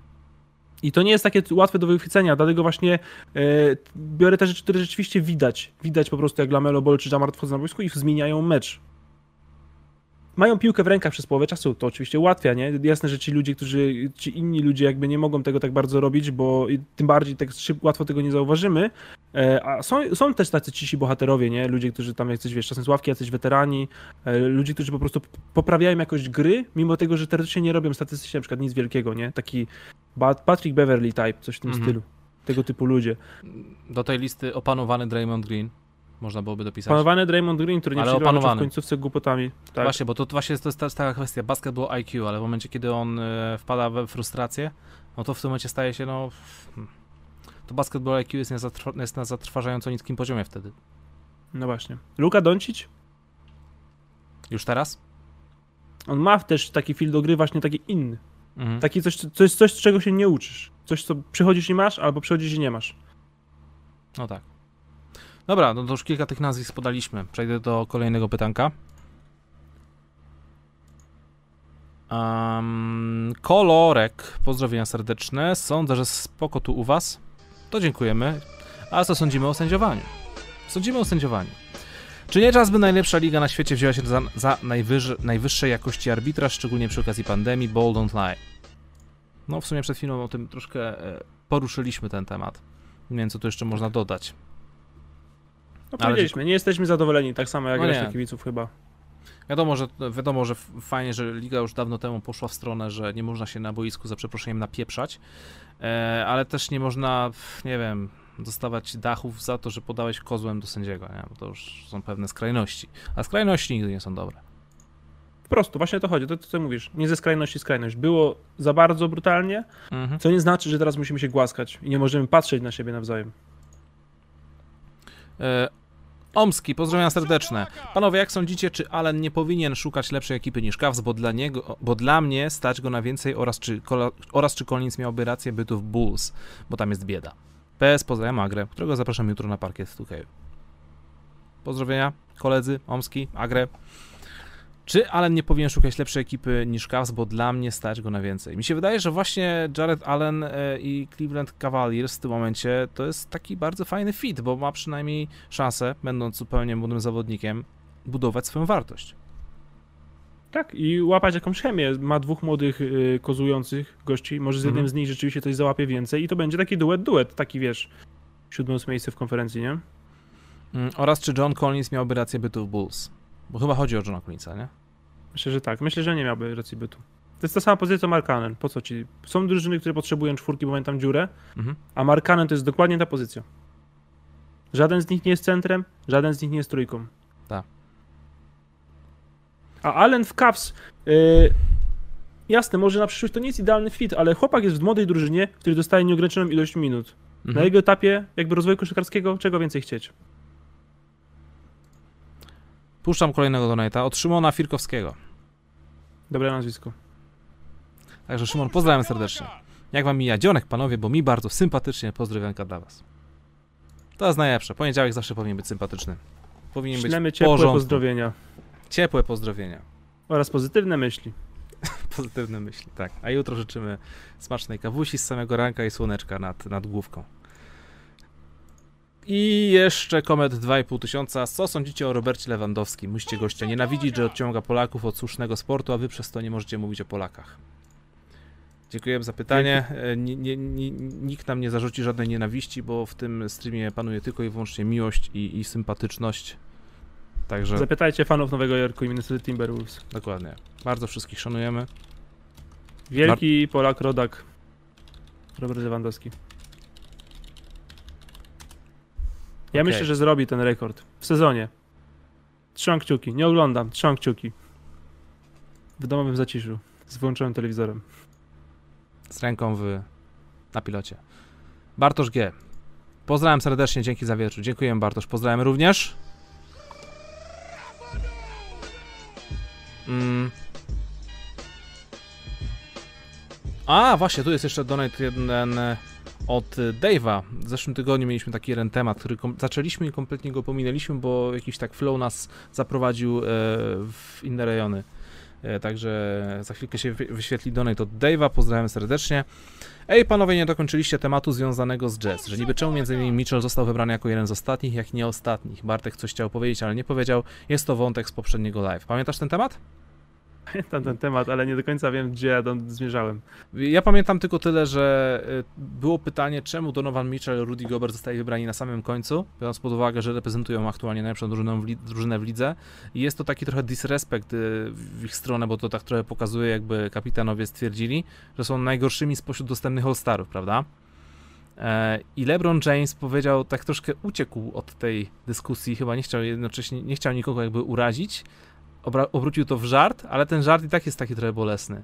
Że wiesz, no jak grasz w Tak, gry, on jak... chciał dobrze, ale to wcale nie było dobrze. Jak, jak grasz w gry wideo, jak grasz w NBA 2K, to Utah Jazz jest jedną z ostatnich drużyn, jakie masz ochotę grać, bo oni nigdy po prostu nie byli sexy. I to jest absolutna prawda. Tak, John Stockton, Karl Malone byli po prostu skuteczni i ludni. E, Carlos Buzer, sorry, no pozdrawiamy wszystkich ogromnych fanów Carlosa Buzera, ale on też nie był jakimś zawodnikiem, którego się, nie wiem, Za, się... Najbardziej elektryczny zawodnik Utah Jazz z ostatnich 30 lat. Ostatnich 30 lat. E elektryczny, taki... Mm, elektryzujący. elektryzujący. No, taki, tak, tak, tak. Eee, Andrzej Kirilenko? Wiesz, że też tak pomyślałem, ale powinniśmy powiedzieć Deron Williams. No też, to prawda. Deron Williams miał takie momenty, kiedy jeszcze miał, miał sprawne nogi, że potrafił być e, kopalnią highlightów. To prawda. No, ale też pomyślałem o Andrzeju Kirilenko. Mhm. I czy to jest dobra laurka? Jeśli mówimy o 30 latach organizacji, na temat no. tego, czy jest sexy, czy nie. Andrzej Kiridenko jak świetnym koszykarzem nie był, przykro mi, nie jest definicją bycia sexy. No dobra, okej, okay, ale to w każdym razie nie chodzi o to, żeby... Czekamy w komentarzach na wasze to, zdania, kto bo, jest sexy. Bo to nie jest żadna forma jakby, nie wiem, obrażania organizacji Utah Jazz, bo to nie o to chodzi. Chodzi o to, żeby, nie wiem, wygrywać i być po prostu dobrym w koszykówkę. Ale można się troszkę jakby zgodzić z LeBronem, że no jak grasz, to nie wybierasz Utah Jazz, wybierasz drużyny, które są po prostu fajne, które mają super gwiazdy, którymi możesz sobie poszaleć. I wiem, że on to odniósł po prostu tylko i wyłącznie do 2K, do gier wideo, ale może po prostu jakby publicznie powiedział, słusznie, że no dobra, Donovan Mitchell, on bywa elektryzujący, jest elektryzujący, ale Rudy Gobert jest jednym z najnud najnudniejszych zawodników, najnudniejszych produktywnych zawodników w lidze. Ja mam trzy tejki, żaden nie pasuje do drugiego, przecież każdy jest totalnie z czapy, no. Dwa są moje, jeden jest z mediów zasłyszany, nie mam pojęcia, nawet chyba się z nim nie zgadzam, więc powiem wszystkie trzy, a każdy Też. niech sobie wybierze pasujący i każdy będzie szczęśliwy. Dobra. Pierwszy, yy, z, z, z, mediów, nie mój, nie wiem czy nie jest zmyślony.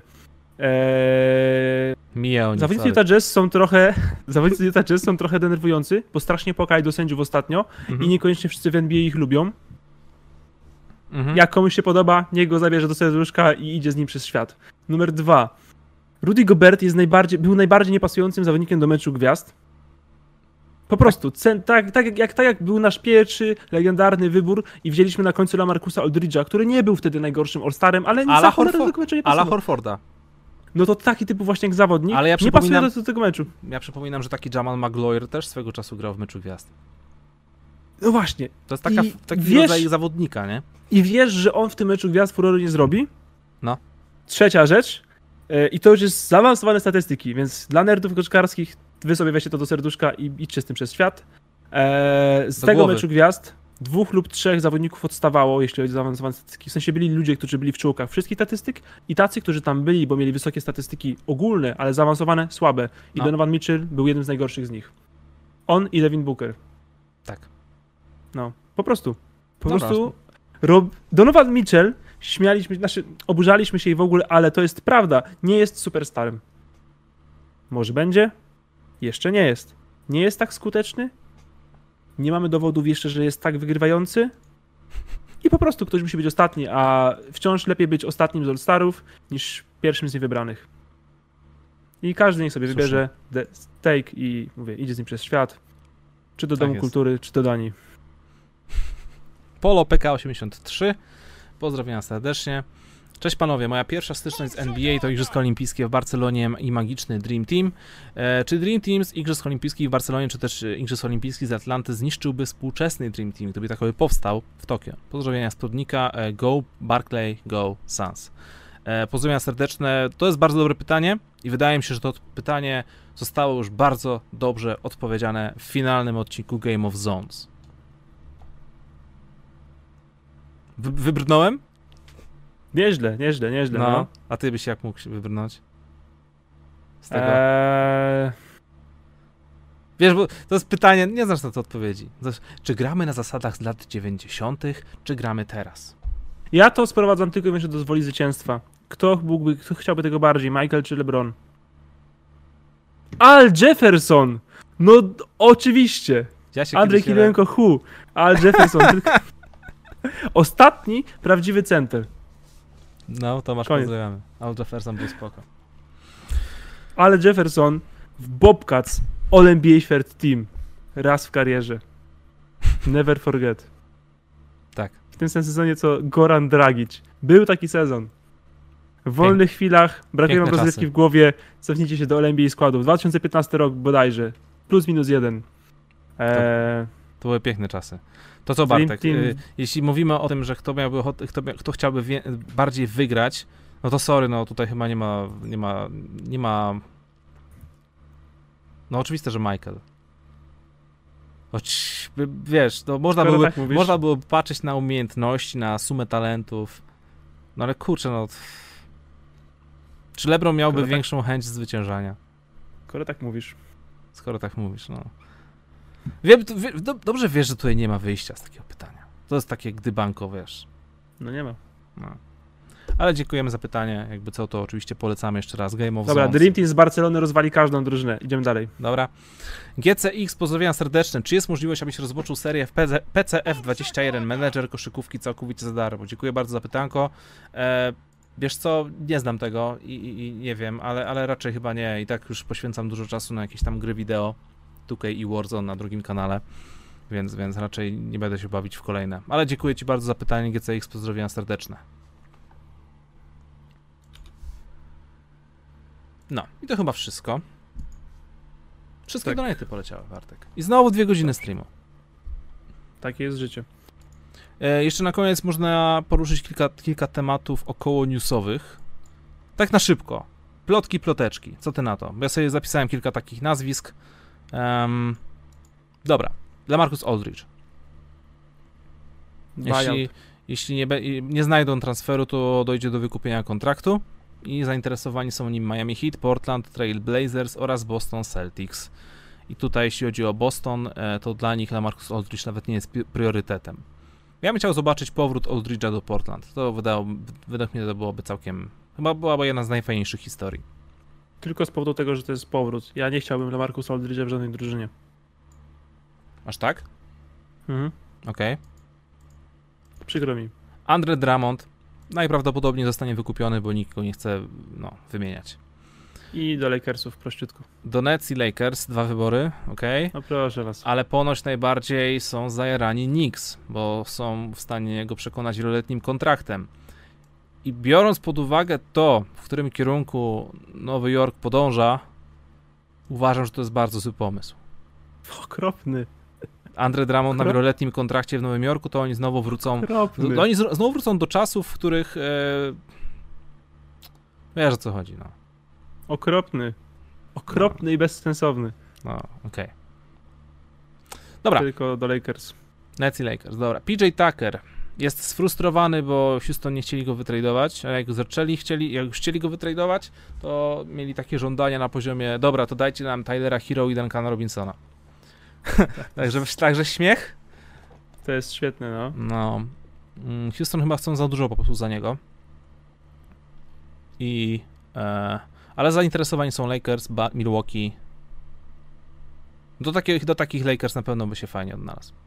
Kurde, super by pasował. No, z, z Davisem no. i LeBronem na frontcourcie, proszę. Ale z Dramondem się już mógłby trochę gryźć. No. A wszyscy przecież nie mogą pójść do jednej drużyny. Czyż tak? Oczywiście, że nie mogą. Czyż Bartek. nie? Tak. Zróbmy wszystko Lakersom, żeby mieli jak najfajniejszy, jak, faj, jak, naj, jak najfajniejszy zespół z zawodników, e, którzy grali w, na, na samym końcu tabeli i których, którzy, którzy chcą wygrać mistrzostwa. No wiem. Jeden z nich trafi do Lakers. Jesteś pewny? Nie know that. Mogę się założyć. Jeden z tych dwójki, PJ Tucker albo Andre Drummond wyląduje w Los Angeles Lakers. Nie bym właśnie tego taki pewny, ale, ale zobaczymy. Wszystko się może Załóżmy zdarzyć. się o nic, Łukasz. O nic. O co nic masz do stracenia, no? O, ja co mam do stracenia? No, w zakładzie o nic. No, w sumie nic. O, o 20 pompek się możemy założyć. Dobrze. Aaron Gordon najprawdopodobniej na wylocie. Zainteresowana Minnesota oraz Portland. No tam w, w Magic to mogą spore zrobić wietrzonko. Mhm. Po zainteresowanie i Gordonem, i Vuceviciem, i Fornierem, i Rosem. No. I fajnie, bo w końcu się posłuchali. Czas rozmontować Orlando i zrobić to, co Detroit. That's true. I jeszcze Sacramento, żeby też ogarnęli i byłoby subcio. Jeśli chodzi o jeszcze inne newsiki, propsy dla Carmela Antonego, który wskoczył na 11 miejsce w historii e, zdobyczy punktowych, pokonując Hakima Olajuwona. Ma już prawie 27 koła na koncie i brakuje mu już tylko 350, by wskoczyć do top 10. Carmelo Antony w top 10 najlepszych strzelców w historii ligi. Can you dig it? No, you can't. 350. To jest niesamowita historia. 350, to. może to zrobić, pewnie, że to może zrobić. Skoczy do dziesiątki, jest niesamowite. Tak. Będzie... Ach, dobrze, nie, no skoczy. Okej. Okay. To co? Kończymy. Ja mam y, jeszcze trochę prywaty. Dajesz? E, w związku z tym, że była przerwa all-starowa, y, zgodziłem się wystąpić gościnnie w dwóch innych programach podcastowych. Czemu dopiero teraz to mówisz? Bo jutro będę wrzucał to na fanpage, więc Aha, robię okay. zapowiedź. Zachęcam do odwiedzenia mojego fanpage'a, zostawienia tam lajka. Link macie na czacie. E, I jutro pojawi się informacja o dwóch podcastach, które można słuchać z moim udziałem. Jeden Super. troszkę już outdated, drugi niekoniecznie, więc. Ale to czasem coś tam napiszę i skrytykuję sobie Rudego Goberta. Zdarza mi się. No to mega sprawa. To wbijajcie na fanpage do Bartka. MVB, przypominam, link jest na czacie. Eee, jeden z podcastów już, słucha, już, już, słyszałem, drugiego jeszcze nie. Tak... Drugi dzisiaj, dzisiaj pojawił się o 19, więc... Aha. No powiedz o kogo chodzi. Że y, gdzie? Tak. E, drugi to jest, powstaje nowa liga koszykówki y, w Krakowie. Okej. Okay. Nazywa się Liga MBA. E, I wypuszcza przy okazji całej swojej promocji serię podcastów i jednym z nich w odcinku numer 17 miałem przyjemność wystąpić i ten jest rzeczywiście bardziej się nadaje do odsłuchania po czasie, ponieważ jest trochę o mnie, trochę koszkówce amatorskiej, trochę NBA, ale tak ogólniej, więc... Okej, okay, super. To on już wleciał, czy wleci, bo nie dosłyszałem? Wleciał, wleciał, wleciał, wleciał. dzisiaj o 19. Okej, no. okej, okej, dobra. To sobie muszę odsłuchać. Dobrze. Czyli zrobił spoko, zrobił spoko rozmowę przede mną. Nie do końca. Nie do końca, okay. nie, nie do końca. Nawet Dobra. ci Łukasz podeślę, słuchaj, link na Facebooku. Super. Jesteś prawdziwym kolegą.